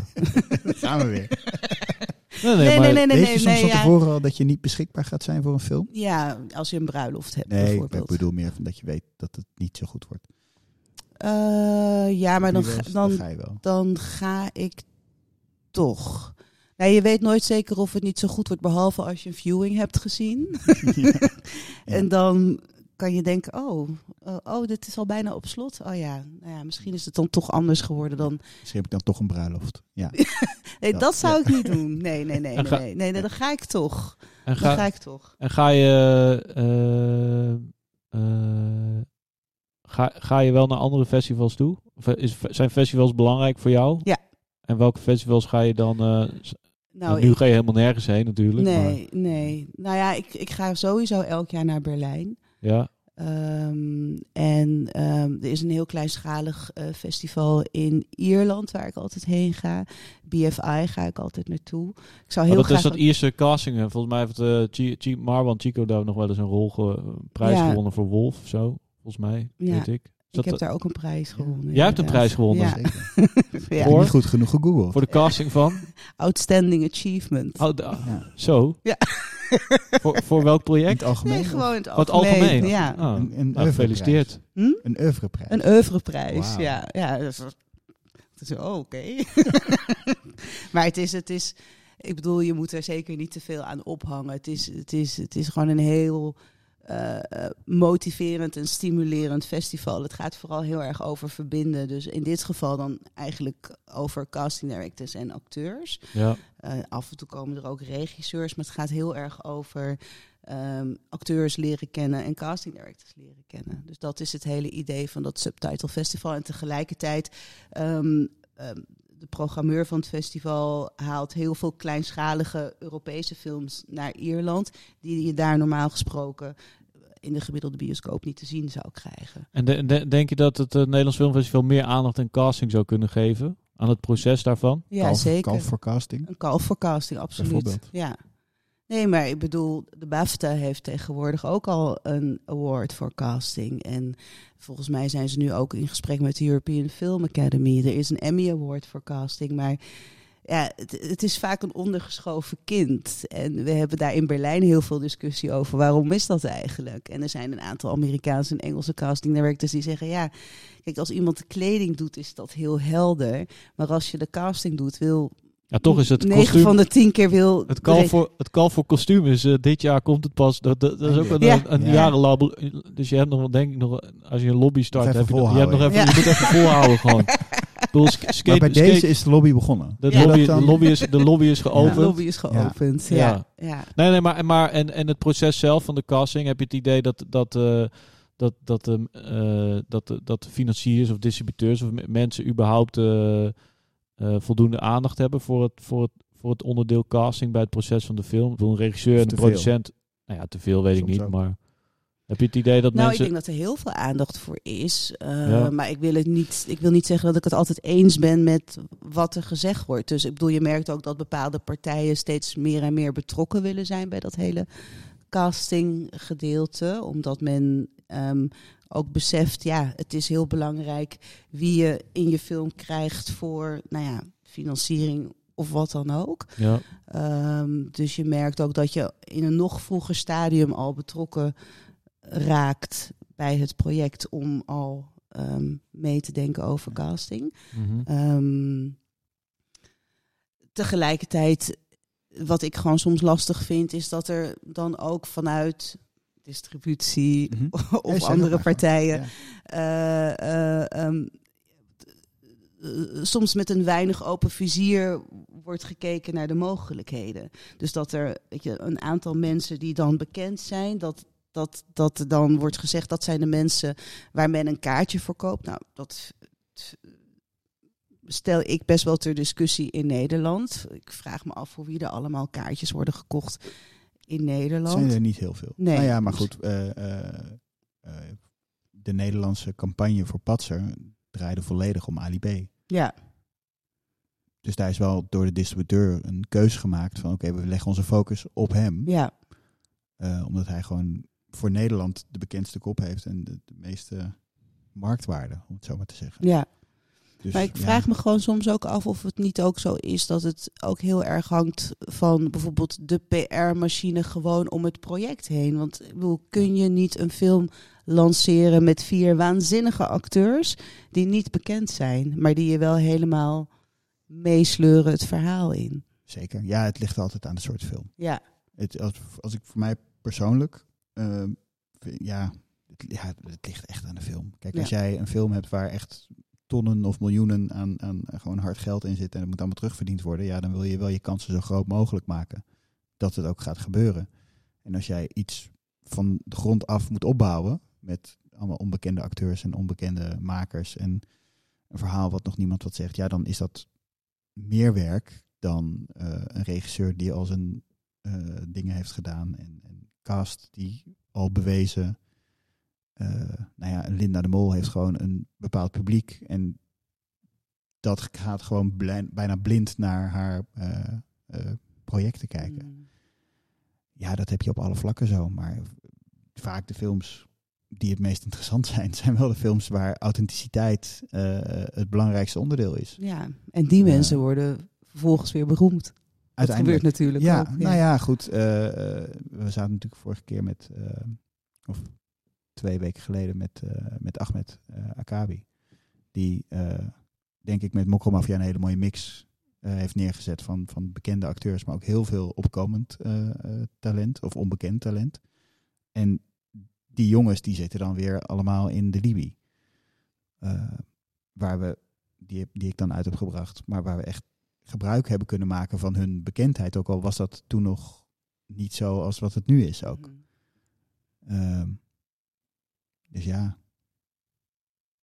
Ik weet niet wat ik wilde zeggen. Ja. het is helder. Ja, nee, maar het is natuurlijk. Het is, eh, ik, ik, ik denk inderdaad wel dat het een, een, een onderbelicht eh, stempel drukt op, eh, op, op, op het eindproduct. Ja.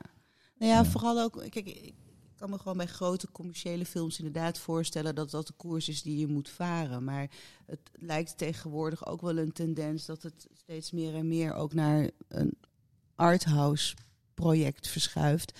Dat, er, ja, dat je naam moet hebben. En ehm, ja, dat vind ik gewoon zorgwekkend, omdat dat juist ook, zeg maar, daar moet je juist ook de ruimte hebben, vind ik, om ehm, nieuw talent of onbekend Zeker. talent eh, een kans te geven. Want anders, eh, dus in Nederland denk ik dat toch wel 60% tot 70% van de acteurs in een visueuze cirkel hangt. Ja. Weet je wel, die mij ook bellen. Wat moet ik doen om in dat project terecht te komen? Weet je wel, omdat ze dan een casting komen doen en dan toch weer moeten afleggen tegen iemand eh, die bekend is. Ja. En ehm, soms zitten daar echt mensen tussen die heel interessant zijn en heel getalenteerd zijn, maar ja, niet tegen die naam op kunnen. Ja, nou ja, goed. Ik, ik probeer mijn, mijn tussen aanhalingstekens makers. eh, ik heb het natuurlijk ook veel over, want zij vragen ook van goh, hoe kunnen we die zalen zo vol mogelijk krijgen. Mhm. En eigenlijk is mijn rode draad daarin van blijf zo dicht mogelijk bij het verhaal. En ik heb liever niet die hele grote naam die ook in een, weet ik veel, een, een, een, een, een tv-serie speelt en daardoor een miljoenen publiek heeft in die kwetsbare arthouse film. Eigenlijk niet. Ik vind dat afleiden. Ja, Eh, en dat leidt het publiek ook af. En dat schept verkeerde verwachtingen vaak ook. ja. Dus doe het liever maar iemand, met iemand die gewoon echt 100% die rol is. En dat je het dan op die manier omhoog kan tillen. Dat, daar geloof ik veel meer in. ja. Dus probeer ik ze ook duidelijk te maken. Maar dat is, het is heel lastig. Want dan kom ik daarna wel met een, eh, een verwachtingspatroon qua bezoekers waar ze niet blij van worden. ja. Maar dan heb je wel de beste film gemaakt. En ja, uiteindelijk denk ik dat dat weer beter is voor de hele industrie. En ook voor de makers zelf. Want dan Mhm. kan je weer een stapje maken en een stapje maken. Ja. Hopelijk. Ja. Maar goed, dat eh my two cents. Ja. Nou ja, ik, ik, ik, ja, ik denk dat het natuurlijk een. eh, met, met zoveel dingen, dat op het moment dat commerciële, echt commerciële belangen gaan spelen, dat er andere, op andere. Dan wordt er op een andere. hoe moet je dat zeggen? Een andere. Dan ben je een andere wedstrijd aan het spelen. een andere palet worden er Ja. keuzes gemaakt. En eh, dat zijn niet altijd, misschien niet de- altijd de meest creatieve eh, keuzes, eh, maar misschien de meest veilige keuzes. ja. En eh, dat is denk ik toch, eh, nou ja, een groot, nou ja, ik weet niet, het is een probleem. Maar voor de mensen die eenmaal in die game zitten, is het natuurlijk geen probleem. Want Nee. die spelen gewoon die wedstrijd mee. De Ja. acteurs, de, de sterren. Ehm, het is natuurlijk een. eh, het, het hangt ook een beetje aan het, aan het, aan het, aan het, eh, aan de glamour van de filmwereld of van het, eh, eh, van, van die, van die setting. Dat, dat, dat houdt, houdt elkaar in stand. En iedereen wil natuurlijk. het verhaal van Monique van de Ven, die op haar achttiende van school geplukt wordt, wordt nog steeds elk jaar. Ik vertel het nu ook weer. Maar dat, dat, dat, is toch. eh, maar Ahmed is ook eh, na één of twee jaar van de, van de toneelschool eh, gestopt. Die was al succesvol voordat hij er überhaupt he- heen ging. Maar het is ook veel makkelijker om iemand van een toneelschool af te plukken dan Dat zeker, zeker natuurlijk. Dan, want dan is, het, dan, is het, dan is het het voorwerk is al. Diegene heeft zichzelf al op de toneelschool gekregen. Die heeft daar Ja. waarschijnlijk al jarenlang op een, bij een eh, jeugdtheaterzelschap. Dus het, daar En zit vroeg daar of laat wordt die sowieso gevonden. gevonden. Ja, ja, ja, het Ja. is niet. eh, nee, het is, het is al een eh, voor, voorselectie natuurlijk. Maar krijg je dan ook mensen die zich die hier aankloppen van eh, hoi, ik, eh, kan ik bij jou op een lijst komen? Gebeurt dat nog? eh, op een lijst Nou ja, ik weet niet van. Ik weet, Castinglijst. geen- Ja, op een, van joh, ik, eh, ik ben acteur of ik vind dat ik acteur ben en. eh, aan de lopende band. Wat leuk. Ja, heel veel. Ik kan ook niet iedereen beantwoorden. Ja. Maar ja, ik, de regel is wel, iedereen kan zich inschrijven. Ja. Ehm, dat betekent niet dat iedereen ook echt direct wordt uitgenodigd voor een casting. Mhm. Sommige mensen hebben zich vijf jaar geleden ingeschreven en tot op heden nog nooit iets gehoord. Maar dan kom je ze wel steeds weer tegen. Heb Ik je kom een ze wel altijd weer tegen. Rolodex met. eh, Ja, maar dan een digitale. Ja. en dan ja, ik bedoel, het, het, het gebeurt wel eens dat ik opeens met een project bezig ben en dan denk van hé, hey, ik ga Ja. dit eens uitproberen, waarom niet? En dat iemand dan ook verbaasd reageert, "Huh, hoe kom je aan mijn gegevens? Ja, je hebt je vijf jaar geleden Ja. ingeschreven. Oh ja, ik- was ik alweer helemaal vergeten. Dat was Ja. fijn. Ja, En als, als we het over die scholen hebben, want eh, jij, je, je gaat natuurlijk zelf veel naar die scholen. Heb, heb jij het idee dat die scholen al di- divers genoeg zijn nu, als we het hebben over... eh, of denk je dat dat nou ja, nog... het kan nog veel diverser, maar ik heb wel het idee dat de scholen er hard aan werken om Ja. dat voor elkaar te krijgen. Ik eh, ben een tijdje betrokken geweest bij de selectieprocedures in Maastricht. eh, op verzoek van Yvette Feijen, die nu artistiek eh, directeur is op de toneelschool in Amsterdam. Ja. Ehm, en in de tijd in Maastricht zag ik gewoon hoe hard zij werkte voor de diversiteit ehm, binnen die selectie. Ehm, met ook zeg maar de uitzondering die zij maakte om ehm, zeg maar in plaats van VWO-kandidaten of HAVO-kandidaten ook ehm, mensen van een ja, MBO of in sommige gevallen zelfs een VMBO toe te laten als ze echt speeltalent hadden. ja. Alleen eh, Waarom moet je eigenlijk een HAVO-diploma hebben om Ja, acteur te worden? Voor mijn Dat- gevoel klinkt het ook heel dat onlogisch. is vast- ja, omdat Ja. het een HBO-opleiding is. Maar waarom, wa- ja, maar waarom is ja, ja, omdat er Dat natuurlijk ook ook er zit, zit Dat een soort toch- makerschap. Er zit een soort ma er zit- ja. maar ja, Ja, maar dat zijn toch de, dat zijn toch gewoon, dat is toch de regelgeving Hey, goed, in ja, Nederland. snap ik Ja. wel, maar die regel, bedoel, regel je kan toch, uh, ja. bedoel, je kan de regels, ik bedoel, nu hebben we op een regel dat we niet meer dicht bij elkaar mogen zijn. Ja, het zal wel. Dat Ja. is op dit moment de regel naar de omstandigheid. Maar over een jaar hoop ik dat die regel weer weg is. Maar Ja. uiteindelijk is er elke regel kun je natuurlijk eh, gewoon bevragen. Ja. En eh, ik bedoel, ik loop er nu zelf tegenaan omdat mijn zoontje eh, naar die scholen gaat. Dus dan ben ik er weer vanuit een ander perspectief kom je opeens weer in die hele regelgeving Ja. terecht. Maar, maar, maar hoe eh, kun, kun je dat proces schetsen dan van zo'n toneelschool? Hoe ze dat, hoe ze dat, hoe ze dat proberen? Nou ja, wat mij toen wel echt heel erg opviel is dat, dat, dat ehm, ehm, los van zeg maar hè, de scholen ehm, merkte ik dat Yvette er ook heel erg op uitging. Dus echt eh, bij de eh, MBO eh dramaopleidingen, maar ook bij zeg maar de jongere gezelschappen ehm, ehm, veel meer ging aankaarten dat, dat, dat mensen audities konden komen doen. Ehm, maar wat zij op een gegeven moment ook heel goed gedaan heeft, vind ik, is dat ze een aantal mensen in de industrie heeft benaderd. Gek genoeg werden dat de Kemna-audities genoemd, maar dat, dat waren niet de Kemna-audities, maar ze heeft een aantal eh, mensen in de Zo noemde Ahmed ze ook. eh. Ja, maar dat Ja. waren absoluut niet de Kemna-audities, maar dat waren de industrie-audities. Waarbij Toch onder knap dan andere, hoe je je naam daar eh Ja. op krijgt. Ja. Waarbij onder andere Kemna, eh, casting, ehm, maar ook bijvoorbeeld eh Docs theaterproducties, die heel veel met jongeren ehm, werken, eh, Ja. met diverse culturele achtergronden. Ehm, nou, waarschijnlijk nog een andere casting director. Ik werd er ook voor benaderd. Ehm, met de vraag: ken jij jongeren voor wie eigenlijk de drempel of de kloof om zich aan te melden op een toneelschool te groot is, maar waarvan je denkt dat ze wel talent hebben? Ehm, En dat vond ik eigenlijk een hele slimme zet. Want je merkte dat daar best wel ehm, ja, interessante types tussen zaten. Ja. En ehm, nou ja, los daarvan is zij volgens mij ook heel erg gaan kijken naar Suriname en de Antillen. Dus ja, ik vind dat die vrouw heel hard gewerkt heeft om, eh, en nog steeds, om die, die diversiteit aan te wakkeren. Probleem is volgens mij wel dat op het moment dat je op de school komt, dan is het voor veel ja, acteurs met een andere culturele achtergrond best lastig om aansluiting te vinden binnen het materiaal wat er ehm, ja, wat ze op hun bord krijgen, zeg Ja, ja. maar. Weet je wel? De Dus verhalen die verteld de worden. ver- misschien de verhalen die verteld worden, of ook de klassieke toneelstukken. Dat, je, ja, dat een aantal daar toch net die feeling niet mee hebben, eh, maar wel verhalen willen vertellen, maar op een andere manier. Ehm, en ik denk dat er om die reden ook wel weer veel, velen zijn afgehaakt. Ehm, terwijl ik ook wel weer vind dat de laatste tijd daar ook veel meer ruimte voor gecreëerd wordt om je eigen verhaal te vertellen. Dus hard gewerkt, maar we zijn er nog. We, zijn er nog steeds niet. Het is nog te weinig. Weet je wel, het is. eh, ja.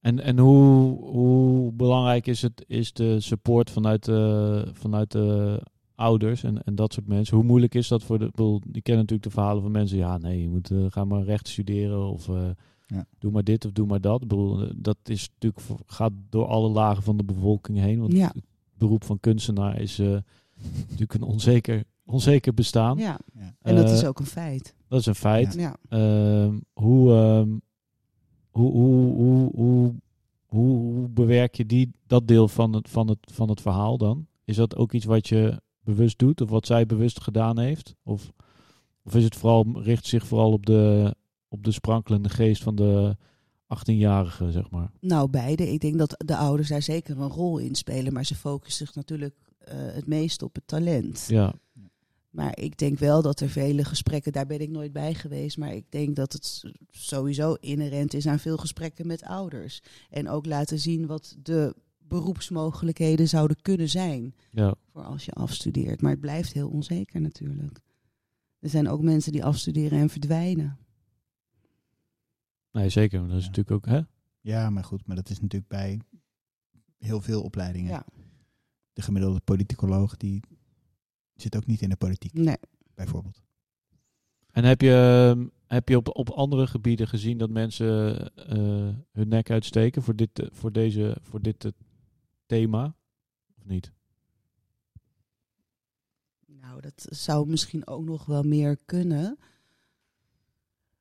Kijk, het is natuurlijk een discussie die op dit moment, eh, of die al een tijd bezig is, maar op dit moment natuurlijk heel actueel. Dus je merkt wel dat iedereen het echt probeert. Ja, Ehm, maar in een aantal gevallen is het ook, weet je wel, vind ik ook dat dan misschien dat er ook wel meer makers mogen opstaan met een andere achtergrond. Omdat je, ik vind soms dat je het iemand die heel ehm, wit is opgevoed en zijn verhaal schrijft, het niet kwalijk kan nemen dat hij zich niet helemaal kan plaatsen in een ander perspectief ja, je kan het wel aankaarten, maar als jij heel graag jouw persoonlijke verhaal van het platteland in Groningen eh, in 1990 eh, wil vertellen, ja, en ik vind dat een mooi persoonlijk verhaal, dan ga ik daar niet geforceerd ehm Ahmed en Regilio in pushen, ja. omdat die misschien ergens ook niet in.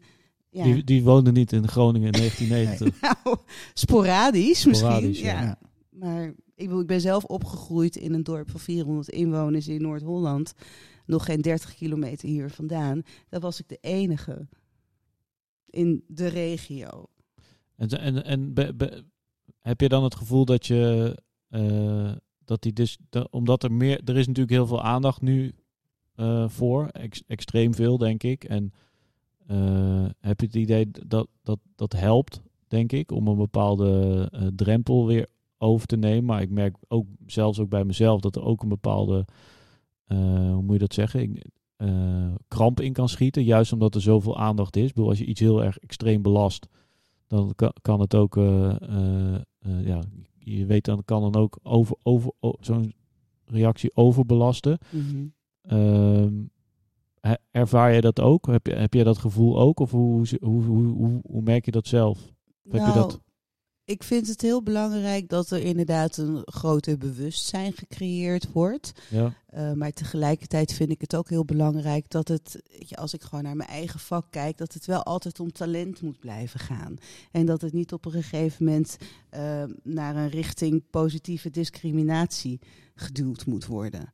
En dat vind ik heel ingewikkeld. Ik had laatst ook met een agent deze, of een gesprek hierover, over meer diversiteit en wat kan je doen om dat voor elkaar te krijgen. Maar ik gaf haar ook het voorbeeld dat ik uh, niet zo lang geleden bij uh, een NTR Kort voor een rol uh, zeven actrices op casting had gevraagd. Ik had daar een gesprek over gehad met de regisseur. Um, en die stond. Hij had er zelf niet over nagedacht, maar absoluut open voor meer diversiteit. Dus van die zeven actrices waren er zes, om maar even te zeggen, divers. En eentje uh, blank. Uh, maar uiteindelijk is zij degene die het geworden is omdat zij echt um, de meest interessante invulling aan het karakter gaf. Op haar manier, Mhm. heel eigen, wat we van tevoren niet op die manier hadden bedacht. En daarom is ze het geworden. Dat is iets wat de buitenwereld niet ziet. Dus uiteindelijk kan men daar dan wederom een stempel op drukken van, oh, wat wit gecast. Nee, in het proces achter de schermen zijn we wel degelijk, eigenlijk zonder er te bewust mee bezig willen zijn, wel degelijk divers bezig geweest. Alleen het moet wel gaan over het eindresultaat. En wat werkt het beste uiteindelijk in dat project. En ik zou er heel ongelukkig van worden als ik dat dan moet gaan forceren en haar aan de kant moet schuiven omdat er meer zichtbare diversiteit moet zijn. Dus dat vind ik elke keer. Daarom vind ik de discussie af en toe ook heel ingewikkeld. Omdat Mhm. ja, je doet je best en je doet wat je kan. Maar ja, het is wel een creatief vak en het moet uiteindelijk wel gaan om wat het beste werkt. Dus je kan proberen om dingen voor elkaar te krijgen daarin. En de ene keer pakt dat ja, eh, zo uit. En, Mhm. en de andere keer werkt het wel. Maar herken je die, die kramp dan, waar mensen in zitten? Dat ze het niet... Ja, dat- ja, ik merk maar- dat. Ik bedoel, ik heb die kramp zelf ook. Ik vind het ook moeilijk om onderdeel te zijn van die discussie. ja. Omdat ik die kramp af en toe ook voel. Maar ik vind het wel belangrijk dat er iets gebeurt. Ik vind het belangrijk dat er, dat er, dat er geluid wordt gemaakt. Weet je wel? Dat er mensen gaan stampvoeten. Maar ja, af en toe mist het ook een bepaalde nuance. Daar schiet ik ook van in de kramp. Of is het een, ja, weet je wel, is het. Dan denk ik, ja, het is niet, het- is het oplossingsgericht? Nee, het is niet oplossingsgericht. Het is veel geluid maken. Maar wat zou de oplossing kunnen zijn? En die lijkt nog niet altijd voorhanden. Nee. Nee, en ik denk ook dat het, ik bedoel, inclusiviteit eh, is natuurlijk ook iets wat eh, eh, continu verandert. Ja, Omdat het, de wereld verandert en Ja. onze samenstelling verandert. Dus als er nieuwe mensen bijkomen, dan moet je die een plek geven. Ja. En dat, dat kost tijd. Eh, maar het- de, die, ja, dus het is ook niet iets wat... Het zal nooit af zijn, zeg Nee. maar. Ik bedoel, als er ooit... ik bedoel, nu hebben we natuurlijk... De afgelopen jaren zijn natuurlijk heel veel mensen uit Syrië bij ons gekomen. Eh, misschien is er over twintig jaar weer ergens anders een oorlog die we nu eh, niet in kunnen denken. Dus het, het is natuurlijk, er zit het al, de, de wereld is wat dat betreft altijd in beweging. Maar ik denk dat dat bewustzijn, het bewustzijn van dat het niet is zoals jij vindt dat het is, maar dat het altijd aan verandering onderhevig is, dat is natuurlijk sowieso iets wat voor mensen ingewikkeld is. ja, Ehm, eh, en, de, en de discussie over talent en over. ik bedoel, In, in, in Engeland hebben ze wel hebben ze een, eh, hebben ze, hebben ze quota's volgens mij voor de, voor de televisie en voor de, voor de, voor de, ook voor de cruise. Eh, ik heb een keer gehoord dat ze in, in Scandinavië gewoon de helft van het geld aan vrouwen geven. Ik bedoel, het is natuurlijk de, de. Het gaat ook om kansen natuurlijk. Ja. Maar niet, bedoel, als jij geboren wordt in, eh, in een gezin met veel geld, eh, of je wordt geboren in armoede, dan eh, die, die kansen zijn ook al ongelijk. Dus het is natuurlijk ook heel complex. ja, En dat, is, dat merk ik soms, dat, je, dat, je, dat het zo groot is, dat, dat, het, dat, je, dat je bijna vergeet van ja, wat kan ik eh, in mijn dagelijkse leven eh, eh, eh, veranderen. Ehm, maar hoe, hoe Ja, kleine dingen. Hè? Kleine dingen. ja. Ja, ik denk dat het daarmee begint. Bij jezelf. Ja, ja, nee, ja, maar goed. Maar in, kijk, in jouw geval is het ook zien, ding, eh, dingen in een groter plaatje zien en mensen een kans geven, letterlijk. Ja. Eh, in, mijn- in mijn geval is het ook van, ik, er worden ook, eh, kijk, ik maak mijn keuzes ook op gewoon op basis van wat is het interessantste verhaal wat, wat er verteld gaat worden. En ik merk gelukkig dat er steeds meer diverse verhalen eh, verteld worden. Mhm. Ook gewoon vanuit de makers. Ja. Dat maakt het voor mij heel makkelijk om, om eraan mee te helpen. Ja. Omdat het gewoon goede verhalen zijn. Mhm. Eh, maar ik ga ook niet, ja, wat jij ook zegt, ik, ik kan het ook niet maken om geforceerd iets te doen wat eigenlijk niet goed genoeg is. Of wat eigenlijk niet. Want daar, daar help je het ook niet mee. Nee. Daar, daar ga je alleen maar dingen weer bevestigen, negatief. Ehm, dus ik, wat dat betreft ben ik heel blij dat er. Het, het, het lijkt, voor mij nu, lijkt het te komen. Eh, van de aankomende acht projecten zijn er nu drie die echt gewoon full-on heerlijk. eh, eh, ja, weet je, dat is gewoon echt een, een realistisch beeld geven van de Nederlandse maatschappij, laat ik Ja. het zo zeggen. Maar ja, ik Ja. had dat ook al bij uh, Snitselparadijs en Soef Soef Habibi. En toch is dat niet zo snel gegaan als dat ik had gehoopt. Ja, maar dat zijn toch, ja, dat zijn niet films die, ehm, ja, ze zijn wel, ze zijn natuurlijk wel divers, om het zo maar te zeggen. Maar iedereen is daar wel een stereotype Absoluut. Nee, maar, van. Maar dat is de hele cast, is daar Ja. een stereotype. Ja. En, dat, en dat heeft dan weer met authenticiteit en geloofwaardigheid voor mij te maken. Mhm. Ik kan, het dan, ik kan niemand in zo'n film serieus nemen. Nee. Nee, dat en snap ik wil ik graag meer. mensen serieus nemen. Wat ik eigenlijk vooral waardevol. bedoel is dan zeg maar meer de, de, de, de, de, de motivatie om zeg maar die stap te maken. Mhm. Dus het, het feit dat er ehm, deze mensen zichtbaar zijn. Daarbij had ik gehoopt dat, dat dat er ook meer in gang gezet zou worden. Dat het kan werken of dat, Ja. het, dat je zelf ook die stap kan maken. Of, Nou ja, we hebben Rabat eh, samen gedaan, jullie en ik. ja. Eh, in ieder geval, ik mocht, hem, ik mocht meewerken aan de, aan de uitbreng daarvan. En toen was natuurlijk net die host van eh Sjoef Sjoef en Niet zo Paradijs was net daarvoor. Het publiek was teleurgesteld. Want hij draaide gewoon bij Pathé. Maar het publiek had niet verwacht dat het een goede film zou zijn, om het zo maar even te noemen. Nou, Dus het is een ander soort film. Het is een totaal ander soort film. Het is een film. prachtige film. Ja. Maar eh, hij stond wel gewoon bij de, bij de commerciële theaters. Mhm.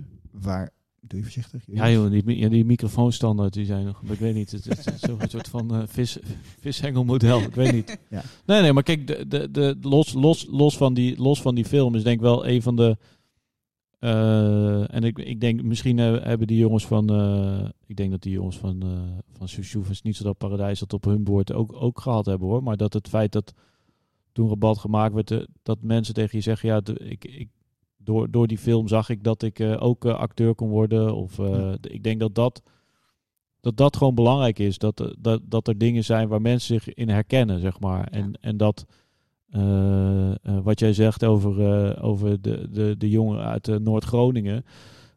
dat hij zich herkent, maar dat de jongen die opgroeit in de Belmer, of dat hij zich ook herkent. En Ja. iedereen, iedereen heeft recht op die, of recht klinkt te maar iedereen zoekt naar reflectie van zichzelf. En ik denk dat dat wel een. eh, ehm, ja, had, ik was twee, ik denk anderhalf jaar geleden was ik in het Foam. En er zat, za- waren ook eh, heel veel foto's. En er was die, die jongen die had veel van die foto's gemaakt. Zei ja, omdat ik gewoon de beelden waar ik mee opgroei, die, ik zie gewoon niet mezelf in die, in die beelden. En dan vaak als ik me zie, is het, is het negatief. En ik denk dat dat wel ehm, nou, iets, iets, iets, iets is waar, eh, waar, hard aan gewerkt wordt, maar wat gewoon eh, wat je zou willen dat dat, dat, dat sn- sneller gaat of zo. En ik denk dat dat wel iets is wat, eh, nou ja, wat nu in een soort stroomversnelling terechtkomt. En ik, ik, ik denk dat het.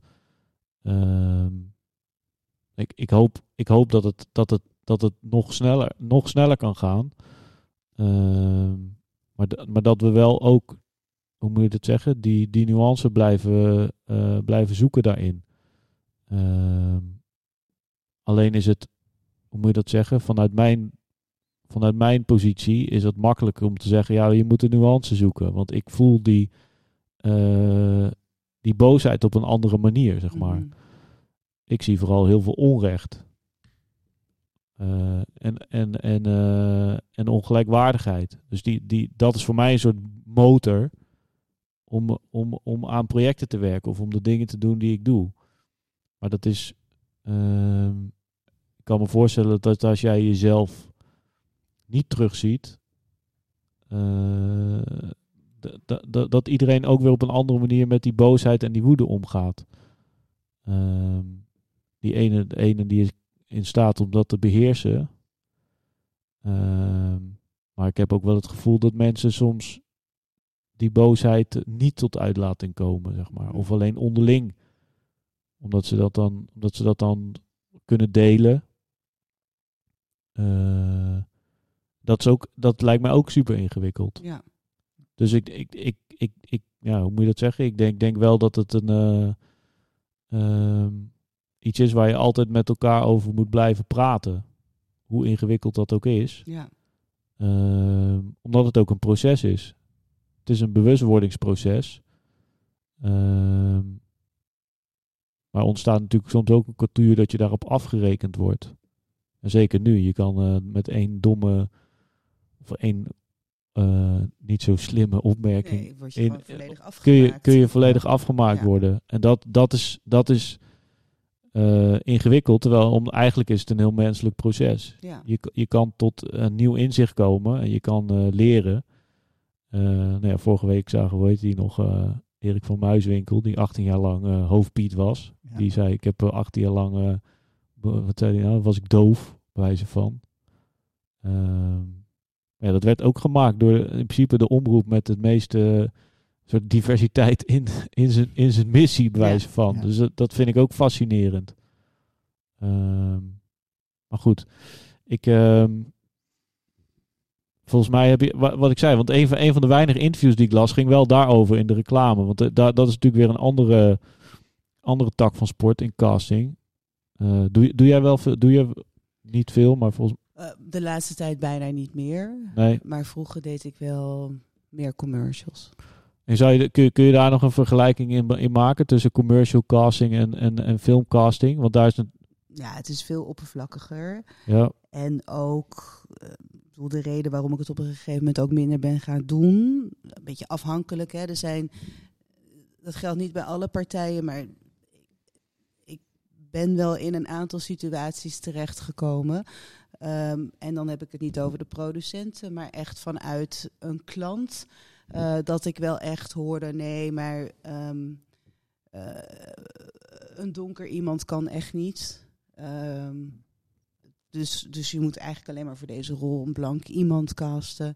Ehm, nou, daar had ik, ik, ik kreeg er gewoon steeds meer en meer moeite mee. Merkte ik dat er op die manier eigenlijk ja, een product of een campagne benaderd wordt. Ik bedoel, misschien als het niet genoemd werd, kwamen we daar uiteindelijk sowieso wel op uit. Dat weet ik niet. Maar het feit dat het echt expliciet werd benoemd, dat ik eh, geen toestemming kreeg om ehm, ja, mensen met een bepaalde achtergrond te casten, daar werd ik heel ongelukkig van. En het waren eigenlijk die paar rotte appels, waardoor ik echt dacht, jeetje, wat, wat oppervlakkig. En ik heb hier eigenlijk ook helemaal geen zin meer in. Ik vind het echt verschrikkelijk. Dat het gewoon puur op, ja, uiterlijk, geld. Eh, en daar ben ik ook onderdeel van op het moment dat ik aan zo'n commercial meecast. ja. Dus ik cast heel af en toe nog wel eens een commercial. Maar ehm, ja, ik weet niet. Het- Ik voel wat meer weerstand de laatste jaren. Ehm, waar waren we gebleven? We waren gebleven bij de commer- commercial versus eh, film. Ehm, Ja, en ik moet daar ook wel bij zeggen dat er echt wel partijen zijn die daar wel mee bezig zijn. Hè? Dus die daar wel echt op letten. ja. Ja. Ja, toe- toevallig op de weg hier naartoe in de auto luisterde ik naar de radio. Is er blijkbaar een onderzoek gepresenteerd over de representatie van eh, mensen in, eh, in, eh, in commercials van de afgelopen jaren in Nederland. die niet heel positief naar voren kwam, geloof ik. Ehm, wat, kijk, we hebben natuurlijk over massaproducten soms. En dat is natuurlijk ook net bij die commerciële films. waarin er een soort eh, ja, wer- werkelijkheid gecreëerd wordt die soms misschien eh, larger than life is. Ehm, en je hebt natuurlijk de je- die dynamiek heb je in commercial land en natuurlijk ook. Ik bedoel, je ziet de eh, films waarin de echte mensen eh, zichtbaar zijn, zie je natuurlijk ten opzichte van het ideale plaatje wat dan misschien geschetst wordt. Ik bedoel, ik ben natuurlijk voor de Oost tijdje in Indonesië geweest. Daar zie je weer een heel andere probleem als het gaat om, eh, om, eh, om, eh, om eh, nou ja, vooral reclame dan, hoe mensen daar eh, dingen verkopen. Eh, Hoe bedoel je dat? nou, je ziet daar eigenlijk alleen maar eh, hele witte mensen, voor een groot deel hele witte mensen op reclameborden. Terwijl het toch een land is eh, wat er heel anders uitziet eh, op straat. Ehm, dus dat, maar dat heeft weer met andere eh, dingen te maken. Eh, maar, maar in hoeverre denk je dat zo'n massaproduct en de manier om daarover te denken, eh, dat in de weg staat? Als je, als je dan die, is dat een vergelijking die, je zou, die ik zou kunnen maken? Of Nou ja, dat staat het Ga je natuurlijk daarin in, de wer- in de weg. Ik, als, je, als je melk, eh, volle melk verkoopt, bij wijze van spreken. ja, Ehm, nou, de, Aziatische gemeenschap die drinkt waarschijnlijk al geen melk. En het is ook niet een sterk vertegenwoordigd product in de Surinaamse gemeenschap. Dus, dus je moet je product verkopen ja, daar waar het het meest gebruikt wordt of gedronken wordt. ja, En ja, wordt dat dus gekoppeld aan de blanke gemeenschap, wat ja. dat betreft. Dus ik, ik snap het ergens ook wel. Maar het is, ja, het is, het ik vind het lastig. het is ingewikkeld. En, Maar en- dat is nog wel een heel helder voorbeeld of zo. Maar, maar wie, en wie, wie zijn dan mensen die als je jij... het zou hebben over een bank of een supermarktketen, ja, dan vind ik dat je wel echt eh, een, een, een dwarsdoorsnede van de maatschappij kunt laten zien. Want we gebruiken allemaal, eh, we hebben allemaal een bankrekeningnummer en we gebruiken allemaal, we gaan allemaal naar de supermarkt. We kopen allemaal heel veel wc-papier. Ja. Maar en, en, en wie, wie, wie, wie, vind jij dan, dan insp- inspirerende mensen die, die op dit gebied... eh, waar haal jij je, je, je, je, je, hoe moet je dat zeggen, je inspiratie vandaan? Of wie zijn mensen voor jou die, die je hier dan in helpen, in dit soort processen? Want ik heb het gevoel dat je, dat je er meer achter de schermen over praat... dan dat je jezelf naar, vo- naar voren duwt en zegt... ik heb hier een, een mening over... Ja. Ehm, hoe, hoe, hoe, hoe, hoe, zie, hoe voel je dat? Heb je nu het gevoel van ja, ik zou meer mijn mening moeten geven? Of denk je, ik ben nu, voel me. Nee, want ik zit zo niet in elkaar. Ik kan in een situatie wel op iets aansturen, maar Ja. het zit niet in mijn karakter om heel duidelijk mijn mening te geven, omdat ik heel erg iemand ben van het mes snijdt aan twee kanten. Ja, Dus voordat je heel duidelijk je mening geeft, vind ik het altijd heel belangrijk voor mezelf dat ik alle feiten op een rij heb. En die heb ik niet altijd op een rij. Dus ja, zo snel geef ik dan mijn mening ook niet. Maar ik denk er wel van alles en nog wat van. En ik probeer voor mezelf wel te onderzoeken, als me iets dwars zit, hoe ik het dan voor mezelf makkelijker kan maken. Of behapbaarder kan maken. En dan kaart je het aan. Maar ik, ja, ik ben niet iemand die heel duidelijk een mening op tafel legt. Omdat ik, ik zit echt in elkaar. Zo, ik zit echt zo in elkaar dat ik het. Ik wil het altijd onderzoeken. Mhm. Dan kom je uit in een gebied. ja, Ja, en dan moeten we op dat moment maar kijken hoe de kaarten geschud worden. Dat, dat is. en de ja. confrontatie, ga je dan. Ben, heb je wel eens een hele vervelende ervaring hiermee gehad? Dat mensen echt dachten, je bent eh, helemaal gek dat je dit nu zegt? Of, eh, Mm, of begrepen ze het uiteindelijk altijd wel? Ze begrepen het uiteindelijk wel, ja. Ik denk ook dat het gewoon heel erg afhankelijk is van de toon waarop je het zegt. Ja, Ik ben niet iemand die heel snel. Ik kan wel boos worden, privé, Mhm. maar niet in een, in een discussie of zo. Ik probeer wel altijd eh, iedereen iets te laten zeggen. Dan geef ik nou ja, niet een uitgesproken mening, maar dan zeg ik wat ik ervan vind. ja, Ehm, maar nooit heel kwaad, denk ik, of gefrustreerd. Daar ben ik lang geleden al mee opgehouden. met gefrustreerd zijn. Met ja, of boos zijn. Dat Ja. heeft gewoon geen zin. En ik denk ook, mijn theorie is ook gewoon als je op het moment dat je boos wordt en dat voelt, ben je misschien eigenlijk niet boos op de ander, maar echt op jezelf. Omdat je het niet eerder hebt aangegeven of Ja. Nou ja, ik denk dat de, de vraag is ook wat, wat, wat je met die boosheid doet. Want ik vind het best mooi om te zien dat mensen boos zijn. Ja. Eh, ik denk ook dat boosheid een hele eh, vruchtbare emotie kan zijn. Als je het eh, weet te kanaliseren in, in bepaalde richtingen. Alleen ja, je, je, je, je, ik ben zelf denk ik ook wel een mens die af en toe best boos, boos kan zijn. boos kan worden. En eh, ehm, de helft van de tijd eh, ben ik, eh, denk ja, ja, dat had misschien wel een, bijdrage dat ik nu boos werd. Maar er zijn evengoed zoveel momenten dat ik mezelf eh, het liefst klap voor de kop geef en mezelf schaam dat ik boos word en dat ik niet in staat was om op dat moment iets anders te doen. Ehm, maar ik kan me wel, ik, ja, ik kan me wel voorstellen dat. En er zijn natuurlijk heel veel mensen die liever niet met boosheid eh, geconfronteerd worden en dan meteen eh, rechtsomkeerd gaan. Het kan zijn dat ze misschien wel een opvoeding hebben gehad van, eh, weet ik veel, een boze vader hadden of een boze moeder. Dat ze daar gewoon van, van, van, van weg vluchten. Nou, ik vind direct. het niet erg om ermee geconfronteerd te worden. Liever niet. Want Nee. ik kom inderdaad wel uit een hele autoritaire opvoeding. Dus ik Veel vind dat niet- boosheid. ja, veel boosheid. ik vind het niet de manier altijd. Nee, Ehm, en ik heb bij mezelf ook wel gemerkt, daar waar vroeger heel veel boosheid in zat en ik dat ook uitte, eh, er te veel ruis op de zender zat, emotionele ruis, waardoor je Mhm. bepaalde dingen gewoon niet meer ziet. ja. Dus ik heb er heel hard aan gewerkt om dat te dimmen, om een wat helderder beeld te krijgen van wat gebeurt er nou eigenlijk precies om mij heen. En waar komt het dan uit voort? Maar ik vind wel, als iemand boos is, ik vind dat helemaal niet. eh, Ja, soms dan schrik je daar even van. Maar ik vind het niet erg om ermee geconfronteerd te worden. Ik hoop alleen wel dat we dan ook snel naar een oplossing toe kunnen. Ik vind het heel heftig als boosheid eenrichting verkeer is. eh, en je vervolgens niet meer de mogelijkheid krijgt om het daarover te hebben of het uit te praten. En heb jij, ehm, eh, waar zou je nu boos om kunnen zijn? In, de, in deze afgelopen weken, waar heb je jezelf boos om gemaakt? Los van het privé. Ja. Dat kan natuurlijk, weet ik niet. Misschien had je gisteren wel ruzie over wat je ging eten, maar mag ook. Nou ja, ik denk natuurlijk gewoon dat, dat, dat al de beelden die we recentelijk gezien hebben, dat maakt mij heel boos. Ja, Maar, maar tegelijkertijd ook verdrietig, heel verdrietig.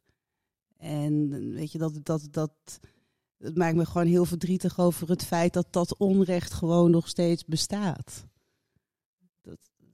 Dat, is, een, ja, dat is een emotie die, die af en toe stop je, stop je dat weg of vergeet je het. En door dit soort incidenten komt dat gewoon in één keer weer terug en naar boven. En daar word ik ook heel boos van. ja. Maar ja, ik vind dat je met de boosheid alleen niet heel veel opschiet.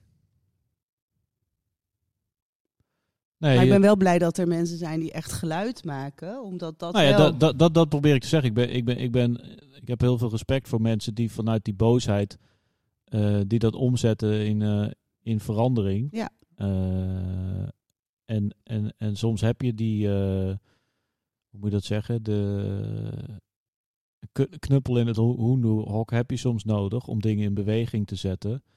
Ehm, alleen het is natuurlijk wel zo dat jezelf op het moment dat je die knuppel gooit ook bewust moet zijn dat, dat de situatie ook vaak weer teruggaat naar normaal. Mhm. Eh, omdat ja, je zorgt even voor verroering of voor verwarring. En uiteindelijk zoekt iedereen weer naar een nieuwe verstandhouding. Maar misschien dat die verstandhouding wel net 5% veranderd is. En dat, dat, dat, is, dat is het, hoe moet je dat zeggen? De ingewikkeldheid aan, de, aan, aan, aan deze discussies is dat het zo, eh, ja, hoe moet dat zeggen? Zo, zo diep, diep geworteld zit bij, eh, bij mensen. Ehm, ja, dat het gewoon een, eh, een, een, zoektocht is. Ja. En, en als je dan ook bewust van bent dat het misschien pas 150 jaar geleden is dat sommige dingen afgeschaft zijn. Ik denk, ja, is nog helemaal, als je het over die tijdlijn van, is helemaal van niks. het is helemaal niks, zeg maar. Dus het is. Nee, eh, maar onrecht en racisme is natuurlijk niet iets van 150 jaar Nee, maar het is- het bestaat al zo lang als de Als de mensen mens. bestaan, volgens mij. Ja. Nee, het is, het is iets waar je, waar je waarschijnlijk, wat ik zeg, de situaties veranderen. Dus je zal erbij tegen blijven moeten eh, eh, vechten. En die boosheid is natuurlijk wel een, eh, ja, een uiting, denk ik, van, van ook van, de, van die ongelijkheid. Ja. Maar we, ja, wanneer werd jij je voor het eerst bewust dan, Hein, van, deze, van, dit, van dit onrecht als mens? Dat, het, Eh, dat dingen anders zaten dan, eh, dan je misschien dacht dat ze zaten. Dat je uit je, dat je, uit je kinderei kroop, wijze van.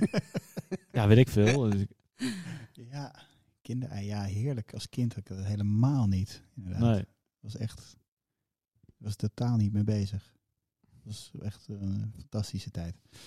Eh, jeetje, echt, echt. Ja, goed, je weet, je, je- het moment dat ik er echt, echt bewust van was, was eh nadat ik ook echt, dat, ik- dat ik actief eh, actie ondernam, zeg maar Ja, was eigenlijk toen mijn neefje is werd geboren. En dat je, met, eh, dat je weet van oké, we gaan Sinterklaas vieren. Ehm, ik, ik, ik kan het, het, het klopt niet dat dat met een Zwarte Piet is. Dat mag niet. Dat, ik, ik, ik zag toen de kans om hem eh, eh, ja, zo op. Ja, het is niet mijn taak om hem op te voeden, maar eh, nou ja. ik, zag toen wel de, ik zag toen wel de kans om te zeggen van oké, ik ga daarvoor liggen. En dat is dan iets heel kleins, maar wel iets met veel symbolische waarde, denk ik. En ja, dat was echt, maar goed, dat is pas, dat is pas vijf jaar geleden. Weet je, en daarvoor heeft zich niet echt iets aangedaan waarop ik daar echt Nee, nee, maar ik bedoel meer, misschien, misschien nog wel, op ik bedoel misschien nog wel fundam- fundamenteler. In de zin van toen ik een jaar of 13, 14 was, ging ik boeken lezen over, eh, eh, hoe moet je dat zeggen? Old Shatterhand. Als, je dat, Ja. als ik het nu her- zou herlezen, dan zou het waarschijnlijk, dan eh, krijg ik waarschijnlijk kromme tenen van, van de witte blik van deze man op de, op de toenmalige situatie in Noord-Amerika. Maar ik kan, me- ik kan me wel herinneren dat dat het bewustzijn van er is gewoon een heel er is een hele bevolkingsgroep uitgeroeid omdat andere mensen nou eenmaal vonden dat ze daar eh, mochten wonen. Ja. Ehm, dat heeft me wel, wel, wel op dat moment mijn ogen geopend, of nee, niet geopend in de zin, maar wel gewoon van een bewustzijn van onrecht. Omdat ik gewoon, ja, ik had wel natuurlijk als kind onrecht meegemaakt, omdat ik vond dat dingen anders moesten gaan. En dat ik recht had op allerlei dingen waar ik op dat moment geen recht op had. Ja. Ehm, maar dat het systeem, zeg maar, waar je in zit, of het, ik bedoel, dat je je bewust wordt van een systeem waar je in zit als individu, en dat je je daar op een gegeven moment toe moet verhouden. Eh, ik, ik kan me, ja, maar goed, misschien is dat dan. eh, Dus ik bedoel meer op dat niveau. Dus niet zozeer van het niveau van. Kijk, ik loop elke dag tegen dingen aan waarvan ik denk, ik heb ook eh, bij spreken Zwarte Piet gespeeld toen ik eh 18 was op de, op de, op de lagere school. Ja.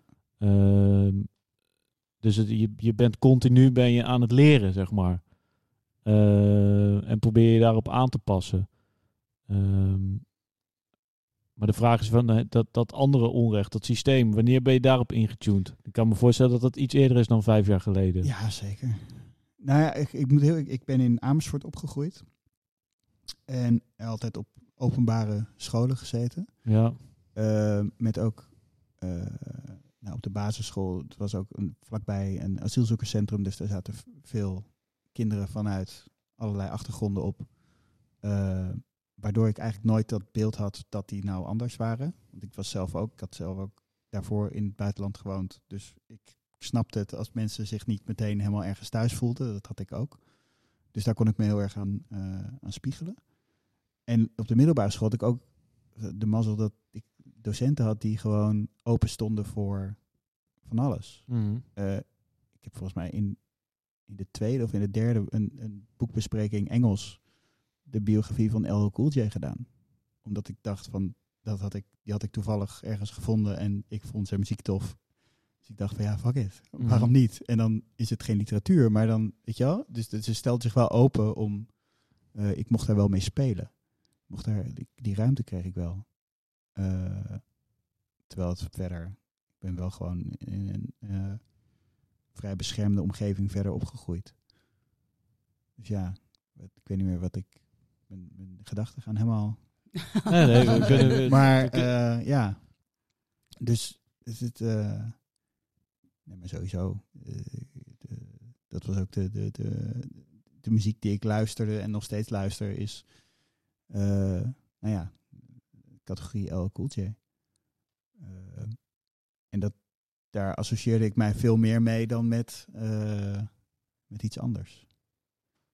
Terwijl ik dat niet, weet je, maar dat, dat ja, misschien heeft dat wel iets te maken met, ik ben, ja, voor mijn, voor mijn zesde was ik drie of vier keer verhuisd. Eh, vanuit het buitenland, ook in België gewoond. Maar dat is dan niet heel erg exotisch, maar in Dubai en alle andere plekken. Dus dat, dat het gevoel van niet op je plek zijn, Mhm. eh, dat kende ik wel. Maar het, ja, goed, het was voor mij natuurlijk waarschijnlijk wel makkelijker om weer te integreren dan, dan voor een gemiddeld, eh, dan voor andere mensen misschien. Ehm, ja, ik weet niet waarom ik dit zeg, maar Omdat ik je een vraag stelde Ja. natuurlijk. gekkie. Hè? Ja. Nee, nee, maar ik- het gevoel van, ja, dus het, het, eh, sowieso onrecht is, iets waar ik niet heel erg goed tegen kan. Nee.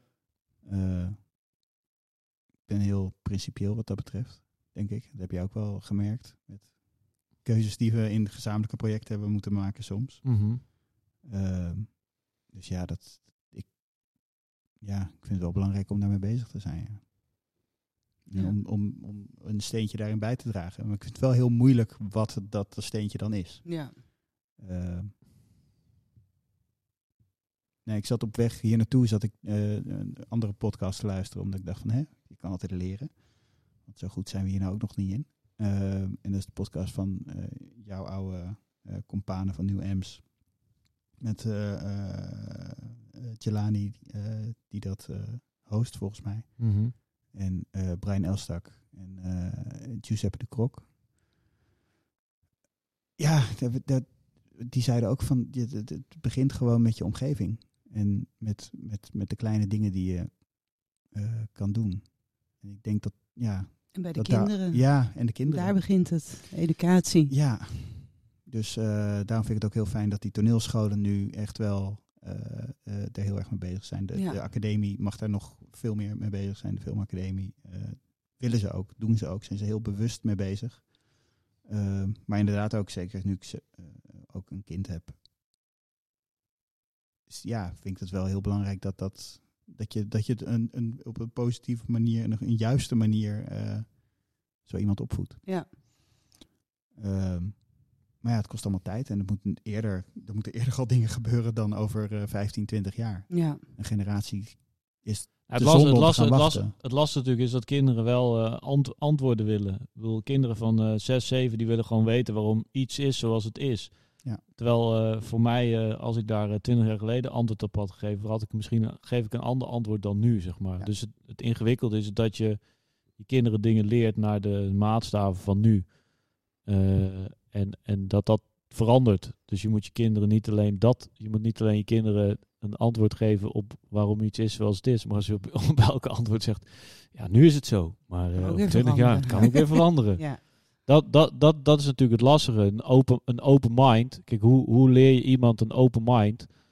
Eh, dat is natuurlijk, dat, daar, daar heb ik nog weinig schoolboeken eh, voor gezien over kinderen, zeg maar. Je hebt wel va- vakken op school over burgerschap en eh, maatschappijontwikkeling. Eh, maar ik denk dat er veel scholen zijn, zeker nu in deze tijden van eh, eh, eh, half thuis, half op school, waar die vakken als eerste eh, eh, weggeduwd worden, want het zijn geen eh, examenvakken. Ja. Eh, eh, heb je een 8 voor open mind? Of, eh, en, en wie bepaalt wat een open mind daadwerkelijk is? Ehm, maar dat is wel natuurlijk uiteindelijk als die inclusiviteit is, is ja, is het zou wel echt een heel belangrijk vak kunnen zijn. Zou een mooi inge- vak, ja, maar dat, nee, maar Ja. da- ja, zo- en, en, maar, maar de vraag is een beetje, het is natuurlijk heel soft allemaal. Of in ieder geval, het is niet, eh, je kan het niet, eh, het is moeilijk, hè? Niet het is moeilijk, mo- moeilijk, ja, wat ik zeg, moeilijk meetbaar. Ehm, Maar het begint ook al eigenlijk, weet je wel, bij het, eh, alleen al pesten. Ik heb zelf geen kinderen, maar al mijn vrienden wel. En er zitten er gewoon een aantal tussen die gepest worden op school. Het feit Ja. dat dat gewoon nog steeds gebeurt en soms zo ernstig dat een kind gewoon van school moet eh, veranderen. Ja. Kijk, daarvan vraag ik me af, hoe is het toch mogelijk dat we nog steeds geen antwoord hebben of een oplossing hebben om dat echt tegen te gaan. Want daar begint het volgens mij alleen al.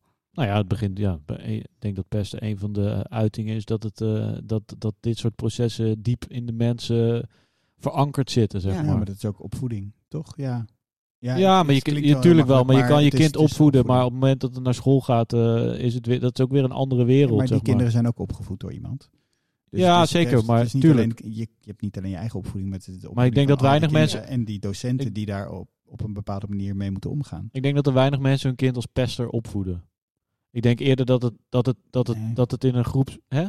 Nee, je voedt een kind niet als pester op, maar je, je eh, denkt wel dat je bepaalde waarden en normen bij een kind neerlegt en bepaalde grenzen wel of niet stelt. Waardoor de mogelijkheid zich voor gaat doen voor zo'n kind om te gaan pesten of niet. Maar soms kan zo'n Ja. kind ook weer bezwijken onder een bepaalde groepsdruk. Zeker, dat is ja. ook weer het lastige. Ja, ja, ja. Nee, het is ook niet een individueel probleem. Nee, Het is een, sowieso altijd een groepsprobleem. ja. Want degene, ja, maar als al die kinderen nou individueel, zeg maar, hè, ideale wereld, wel ruimdenkend worden opgevoed, ja, dan gaan ze ook niet bedenken om te gaan, als groep gaan ze ook niet bedenken om te gaan pesten, ja. denk ik. Maar goed, Ik, ik, eh, ik weet het niet. Ik, eh, mijn kind gaat nog niet naar school, dus ik, ik heb ook geen idee hoe dat tegenwoordig in de praktijk eh eraan toe gaat. Maar Ja, het is het geval eh, een naar, naar het is iets heel eh, naars, gebeuren. maar het is... eh, het- ik denk, ja, en ik denk wel dat je gelijk hebt dat het, eh, dat het vroeg begint. Maar dat is, dat is het ding. Hoe, hoe, eh, hoe belangrijk is het op de gemiddelde school om een, echt een open mind aan te leren? En dus vindt iedereen dat? Dat iedereen een open mind... Ja. En wat gebeurt er Nou ja, in ieder als geval opeens een iedereen een open... toe. Ja, Ja. Ja, het zou denk ik wel eh, meer verbinden uiteindelijk. En ik- ja, ik weet niet, ik zou er wel in geloven. ja. Dus geen mindfulness, maar de open mind. Ja, Open-mindedness. open Open, open mindness. Kun je ook een app voor downloaden? Zeker, gaan we maken. Moet je Ja. zes, meteen stemmen voor het gouden kalf. zes minuten op je hoofd, zes minuten op je, Ja, zes minuten op je alleen hoofd. goede staan. ideeën. Maar kijk, maar ik had wel eh, nagedacht. We, sluiten natuurlijk altijd af eh, met een eh, tip van de Nederlandse bodem. Ik kijk niet heel veel televisie en merk steeds minder eigenlijk. Maar een van, van de series die, waar ik zelf erg van genoten heb een paar jaar geleden was Bloedbroeders. Als je het hebt over verbinding en jezelf openstellen. Dat ging over een, over een Turkse en een Koerdische man die samen naar de eh, Koerdische grenzen reizen. Eh, het begint eigenlijk hier in Nederland met twee families. eh, door Sinan Chan. Eh, en eigenlijk ga je door de, door de reis heen en zie je eigenlijk de, de, nou ja, de ingewikkeldheid en de, ehm, eh, maar ook wel de ver- verbroedering die onderweg plaatsvindt tussen, tussen toch wel een eh, ja, precaire situatie in eh, Turkije. Maar die verplaatst zich natuurlijk ook naar alle landen waar Turkse en Armeense mensen wonen. Eh, en nog steeds een splijtswam eh, kan zijn tussen, tussen families en, en instanties en, en naties en weet ik wat allemaal. Maar toch op een hele mooie persoonlijke manier gebracht. Dus Bloedbroeders, ik zou zeggen, zoek hem op in je, in je Google, Google scherm. Hein, je was het vorige keer vergeten. Ja. Nu? Ik heb, heb je gisteren- ik heb je gisteren nog een reminder ja, ja, gestuurd. ja, ja, ja. Het is zo moeilijk, er is zoveel moois. Ja, maar roep dan moois. wat. Nee, nee, nee. Ik, eh, ik heb erover nagedacht. En eh, ik eh, kwam er deze week achter dat het eh, deze week vijf jaar geleden is dat Prins in de bioscoop kwam. En ik vond dat in het kader van hè, eh, dat we nu met jou, Rebecca, hier zitten. ik weet eigenlijk niet of jij die, die gedaan hebt, volgens Nee. mij niet. Eh, maar ik vond dat wel een mooi voorbeeld. Een film die zich, eh dat is de debuutfilm van Sam de Jong, eh, die zich in Amsterdam-Noord afspeelt. Eh, met veel ook non-acteurs. In ieder geval de hoofdrolspeler Ayoub is, een, is ook van de straat geplukt. Little Kleine is in principe ook een is non-acteur. een non-acteur, non-acteur. Natuurlijk nog niet een grote ster, maar Ja. Zeker. Maar ik, ik vond het een leuke mix van. eh, eh, er zaten een paar eh, solide ankers met echt goede acteurs in. En een paar de, echte jongens die gewoon alleen maar daar kon vinden met non-acteurs. En ook non-acteurs die wel een bekende kophouder zoals eh, eh, Freddy van de jeugd tegenwoordig, die een fantastische bad guy neerzet. Die ook alleen maar door hem gespeeld had kunnen worden of zo. Dat had niemand, an- die, die manie had niemand anders kunnen brengen, denk ik. Op die manier. Eh, inderdaad, een Lil Kleine die eh, ja, toen nog niet de, de, de ster was die die nu is, maar wel op punt van stond. Ehm, nee, maar waarom ik het ook... Ja, en het is gewoon een, een, een- hele bijzondere film geworden, denk ik. Eh, die de moeite waard is om weer even terug te kijken. Ehm, ja, ik vond die balans vond ik heel, eh, heel prettig. Eh, en het leuke van dat, het, het, de poging met dat project is misschien ook wel eens geweest van, joh, we, stoppen er wat bekende namen in, zodat we een breder publiek gaan trekken. Maar daar was het de film totaal niet voor. Dus dat was ook. Ja, wat, dat lukte ook niet. Maar dat is ook niet erg, want die rollen waren wel gewoon heel goed. Ja, ik Ze vond het gewoon het heel, heel Ja. oorspronkelijk en super waarachtig. Dat vond ik er Ja. heel leuk aan. Ook op een soort toch wel droog komische manier neergezet. Dus een hele eigen Zeker in de, signatuur. ja, de, st- eh, de styling. En Ja. eh, dat hij allemaal deuren blauw heeft geverfd, omdat hij die mooier vond. Ja, dat soort gekke dingen. Eh, maar ook die, eh hoe heet die, Vincent de Waal van, eh, Patta. van Patta. Eh, die, ja, het is ook een, een, een, een- om te zien, het is gewoon een, het is, het is, het is een type. En maar een heel mooi uitgesproken type. Op zo'n quad rondrijden door Noord. Het, het, het klopte gewoon. Eh, het voelde heel puur en het is echt niet de beste acteur. Maar dat hoeft ook niet. Nee. Want mensen zijn ook geen. nee, Weet je, niet iedereen is een acteur. En maar hij- ja, die stiltes vaak, vaak juist waardevoller dan de momenten dat die praten, bijvoorbeeld. Nou, ik had het daar Ook laatst ook met iemand over. Dat ik dat soms juist wel interessanter vind nog. Dat je, je, kan dan er naar kijken en denken, oh, dit was net niet goed. Maar iemand is dan zo eigen en zo waarachtig dat ik daar dan echt van kan smullen. Ja. En het des te leuker vind dan als het nagespeeld zou worden. En het klopt misschien in tekstbehandeling wel, maar je mist de authenticiteit van de persoon erachter. Precies. Dat, Ja, ja, ja. leuk. Is ook leuk om te zien dat jij meteen weer begint te stralen. Ja. voor de luisteraars. Ja, ik vond het Ja. echt te gek. Ja. Ja, ja, jij appt mij om 11 uur s'avonds. Weer, hè? Bij Ahmed ook. Want ik, Ja. ja, wanneer moet ik het dan? Een week? Dus ik, je- Zit je een week Nou, te in malen. ieder Je geval ik heb het ook vanochtend pas bedacht. Ja, ik, vind, ik ben er altijd heel slecht in. Er is zoveel wat ik eh, leuk en te gek vind. En dan, en dan vervolgens dan moet je dus dan een keuze gaan maken omdat je één ding moet noemen. En dan raak ik daar eigenlijk al van in de stress. Wel een dag van tevoren, als ik dan nog een paar dagen Nou ja, ik heb dacht, om ik, eh, dan dan heb je in ieder geval dagen maar, dan heb je nu heb je maar een paar uur stress gehad. Als ik het vorige week had gevraagd, had je een week stress gehad. Dus eh, wees blij. Ja, maar Nee. iets wat, wat je vindt dat men gezien zou moeten hebben, maar misschien niet gezien heeft. Bijvoorbeeld. Is dat een beperkende... Oh ja, god. Nou, wat ik zelf... Ik ga nu maar gewoon even iets uit de losse pols doen. Ehm, een film die op mij altijd heel veel indruk heeft gemaakt... dat is eh Cidade Gideus. Ehm Ja. zit Nederlands zijn, hè? Nederlands, Hollands. Oh, Hollands. Oh ja. Nederlands wacht. Oh, ja. Filmfestival is onze. Oh, ja, partner oh, ja, oh, ja, namelijk. Sorry, Dus oh dat, ja, eh, ja, ja. ehm, Ah, dat maakt het veel makkelijker. Je moet het dicht bij huis zoeken, daar hebben we het net over gehad. Ja. Iets waar je heel trots op bent zelf. Of iets wat maar je het zelf moet, graag maar het, moet, zou hebben. maar het moet dus wel iets zijn wat al geweest is. Nee, het mag ook iets, mag- het gaat mag, ook- het komen. mag ook iets Ja, wat nog gaat komen. En, maar mag ik, mag ik dan... Ik, ik heb je mag doen wel wat je wil. idee. Als het maar Je Nederlands hebt een idee. Ja. Ja. Nee, ik heb, het is inderdaad, ik heb het wel zelf gecast, maar Ja. daar gaat het echt niet over. Maar ik heb vorig jaar gek genoeg vier oorlogsfilms gedaan. Ja, En ehm, ik hoef nu ook voorlopig even geen oorlogsfilms meer te doen. Maar wat ik er eigenlijk heel interessant aan vond, is dat het in de kern eigenlijk ook wel gaat over de discussie die we hier voorafgaand hebben gevoerd. Dus eigenlijk ook de perspectieven en hoe komt iets tot stand. Dus ik vind zeker dat mensen volgend jaar naar de Oost moeten gaan. de Oost. Eh, dat is, ik bedoel, ik heb het resultaat daar niet van gezien, maar op scriptniveau werd ik daar echt door overdonderd. En denk ik dat het een heel belangrijk verhaal is in de Nederlandse geschiedenis. Ik heb voor een Bosnische maker, um, Jasmila Banic, een film gemaakt over de val van Srebrenica. Mhm. En um, ook daar vind ik het wel heel interessant, omdat de Oost wordt eigenlijk verteld vanuit de Nederlandse soldaten. Mhm. Ehm, eh, de val, de, haar film ehm, over de val van Srebrenica ehm, is een Nederlands-Bosnische co-productie. Gaat dus heel erg over de rol die de Dutch Batters gespeeld hebben in die situatie. En wat is de titel van deze film? Quo Vadis Aida.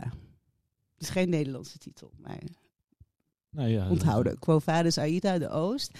Ehm, en ook daar voel je weer dat je van tevoren dus eigenlijk een oordeel of een beeld kan hebben over een situatie. Maar Ja. gaat het ook weer over wat zou jij doen als je in die situatie zit? En dat is bij de Oost ook het geval. En dan heb ik nog een film voor Sharif Korver gedaan. ehm Do Not Hesitate. Wat ehm, zich dan weer in het nu afspeelt over drie jonge soldaten op missie. En in een situatie terechtkomen waarbij ze ook weer voor dilemma's komen te staan. En eigenlijk ook de grote kernvraag is: wat zou jij doen als je in die situatie terechtkomt? En dat vind ik eigenlijk altijd een heel eh, interessant gegeven. Je kan van tevoren heel erg bedenken. Dit, dat zou mij niet overkomen of dat zou ik niet doen. Maar wat als je in die situatie zit? Wat gebeurt er met je als je Mhm. eh, moet overleven eigenlijk? Wat komt er dan op de eerste plaats? Dus je kan bij alles zeggen, eh, dat zou ik zo niet doen of zo ben ik niet opgevoed. Of, maar het kan 180 graden draaien op het moment dat je moet overleven. En nummer vier, want je had het over vier. Oh ja, en dan nummer vier had ik nog het... Sorry, bijna vergeten. Is- ik word... Eh, Slag om de Schelde. eh, eh, wat zich dan weer in de Tweede Wereldoorlog eh, afspeelt. Groot commercieel, eh, groot commerciële film. Maar daar, ook daar zit weer een karakter in die ehm, ehm, eh, de kant van de Duitsers kiest. En eigenlijk daarbinnen een ontwikkeling doormaakt. En gek genoeg. Ik ik wil niet zeggen dat je er helemaal begrip voor hebt, maar dat is ook weer wat zou jij doen in die situatie? Dat je gewoon onder bepaalde omstandigheden ergens in meegesleurd wordt en dan eigenlijk op een bepaald moment tot de conclusie komt ja, dat het Ja. allemaal anders is dan wat je van tevoren had bedacht. En ik vind dat dat eigenlijk op bijna alles in ons leven betrekking heeft. Je kan van tevoren of in een discussie zeggen het is belachelijk, dat zou ik nooit doen. Toch een Maar beetje het Erik, Erik Muiswinkel effect dan. Ja, Ja. Ja. Wat? Ja, ja. ja, nee, ik vind het fijn dat je het weer terugbrengt naar Erik, Muis, Erik Ja. van Muiswinkel. Ja, Nee, de- ik- Ja. Hoezo? nee, gewoon grappig toch? Ja, maar in dat soort situaties kun je reflecteren op eh, wat Ja. je gedaan hebt. En, Ja, eh, en of je het juiste gedaan hebt of dat je dat bijstelt. Eh, een van de goede effecten van al die castings is wel dat ik nu twee hele grote Nerf-pistolen thuis heb liggen. Die we gebruikten eh, voor die castings. Ik heb er ook nog steeds een hier. Ja, hier, mag ik die ook meenemen? Nee, wacht. Hè? Nee. Pak hem even. Nee, oh ja, dan wordt Oh. nu een Nerf-pistool eh, Het bijgehaald. gaat nu eerst, eerst de kogels en Eh, dan de er pistool, wordt, er toch? wordt, gewoon- loopt gewoon iemand weg hier bij de opname. Wat is dit? Live, kijk. Oh nee, Nee, dit is geen... wat, wat wordt hier nu uit de kast lijkt gehaald? heel echt. Is het Nerf? Wel in de microfoon praten alsjeblieft, hè? Want anders dan, eh, Dit was... Deze ook weer opdoen? ja. Wat, Dit deze was- is voor alle vier de films gebruikt. Deze, Oeh, deze begon bij de Oost. Ja, Dat was langer. ja, ja. Hij is een beetje gehavend door vier castings. En daarna is hij van film naar film gegaan. Ja, Ah, ik heb ze voor alle vier de films gebruikt. De- Dankzij het budget van de Oost. dankzij, da- dankzij die 2 euro uitgegeven bij de Action of ja, de de, de Blokker. kwaliteit straalt er wel vanaf. Ja. dat zie je Ja, ja. Hij is echt veel gebruikt. Hè. Kijk, hij Ja. is nu ook met tape, zit hij hier zo vast. Ja. En er zat hier nog zo'n lange... We hadden het wel een beetje over de professionalisering van de Nederlandse castingwereld. Maar ik begin een beetje te twijfelen nu als ik dit zie. Dat, dat, dat we nog een hele lange weg te gaan hebben. Oh ja, de Chinese letters staan op de zijkant. Ja, Misschien moet je toch een keer eh, met eh Wiesenhaan gaan bellen. Dat je gewoon een vergunning hebt voor een echte, echt geweer hier, toch? Dat is toch een stukje eh, beleving voor de mensen thuis. ja. Maar goed, volgens mij eh, gaan we er gewoon een eind aan breien. Denk je niet, Hein? ik denk het. Dankjewel. Wat vond je ervan, eh, Rebecca? Heeft, eh, je had Nou, over klotsen, je had het over de klotsende oksels, maar Ja, ze zijn inmiddels een beetje opgedroogd, maar die Ja. zaten er wel degelijk. ja. Ja, hij vindt het heel spannend. En waar, kun, je, kun, je dat, kun, kun je dat omschrijven in een paar woorden? Hoe, hoe, waar, waar die spanning dan vandaan komt? Daarna gaan we... Eh, ja, ik, ik, ik, ik luister liever naar anderen. Eh, ik hoor liever anderen praten of iets doen of eh, vragen beantwoorden in plaats van mezelf. Ja. Nou, ik denk toch dat je een paar mooie dingen mee hebt gegeven aan de mensen. Zeker. En eh, in het eh, de ingewikkelde dat de nuance toch eh, belangrijk is. Eh, en dat het ook gehoord, dat het ook gehoord mag worden. Ondanks dat het niet direct een mening is, is dat ook een mening. Dus ik denk, wat dat betreft ben ik blij dat je toch eh, de, je deuren hebt geopend. en, niet, en niet hebt gezegd, nee, dat doe ik niet. Ik stond wel op het punt. Ja, dat eh, voelde ik al aankomen. Maar ik toch nog even subtiel eh, geprobeerd. Dus ik ben blij. Dankjewel Rebecca voor dit goede gesprek. My pleasure. We gaan er nog een aantal volgen voordat wij straks in zomerreces gaan. Maar ik wil het Nederlands Filmfestival bedanken. Amongst Friends, waar we het nog steeds niet over gehad hebben. Maar misschien moeten we een keer iemand uitnodigen die daar ook wat mee te maken had. Eh, prachtige logo van Undor. Jan Mul voor de fanfare in S, die jij nog niet gehoord hebt, maar die zit er wel onder straks. Arames Gonzales voor de edit en de camerawerk. Eh, wil je berichtjes sturen? Uh, Julius Ponte, Hein van Jolen of de Cutcast. Eh, en dan zou ik zeggen, abonneer je op het kanaal. Luister hem in je podcast. Dan geef wat sterren. Gooi sterren op ons. Doe een duimpje omhoog en schrijf wat je ervan vond. En dan eh, spreken we elkaar later weer.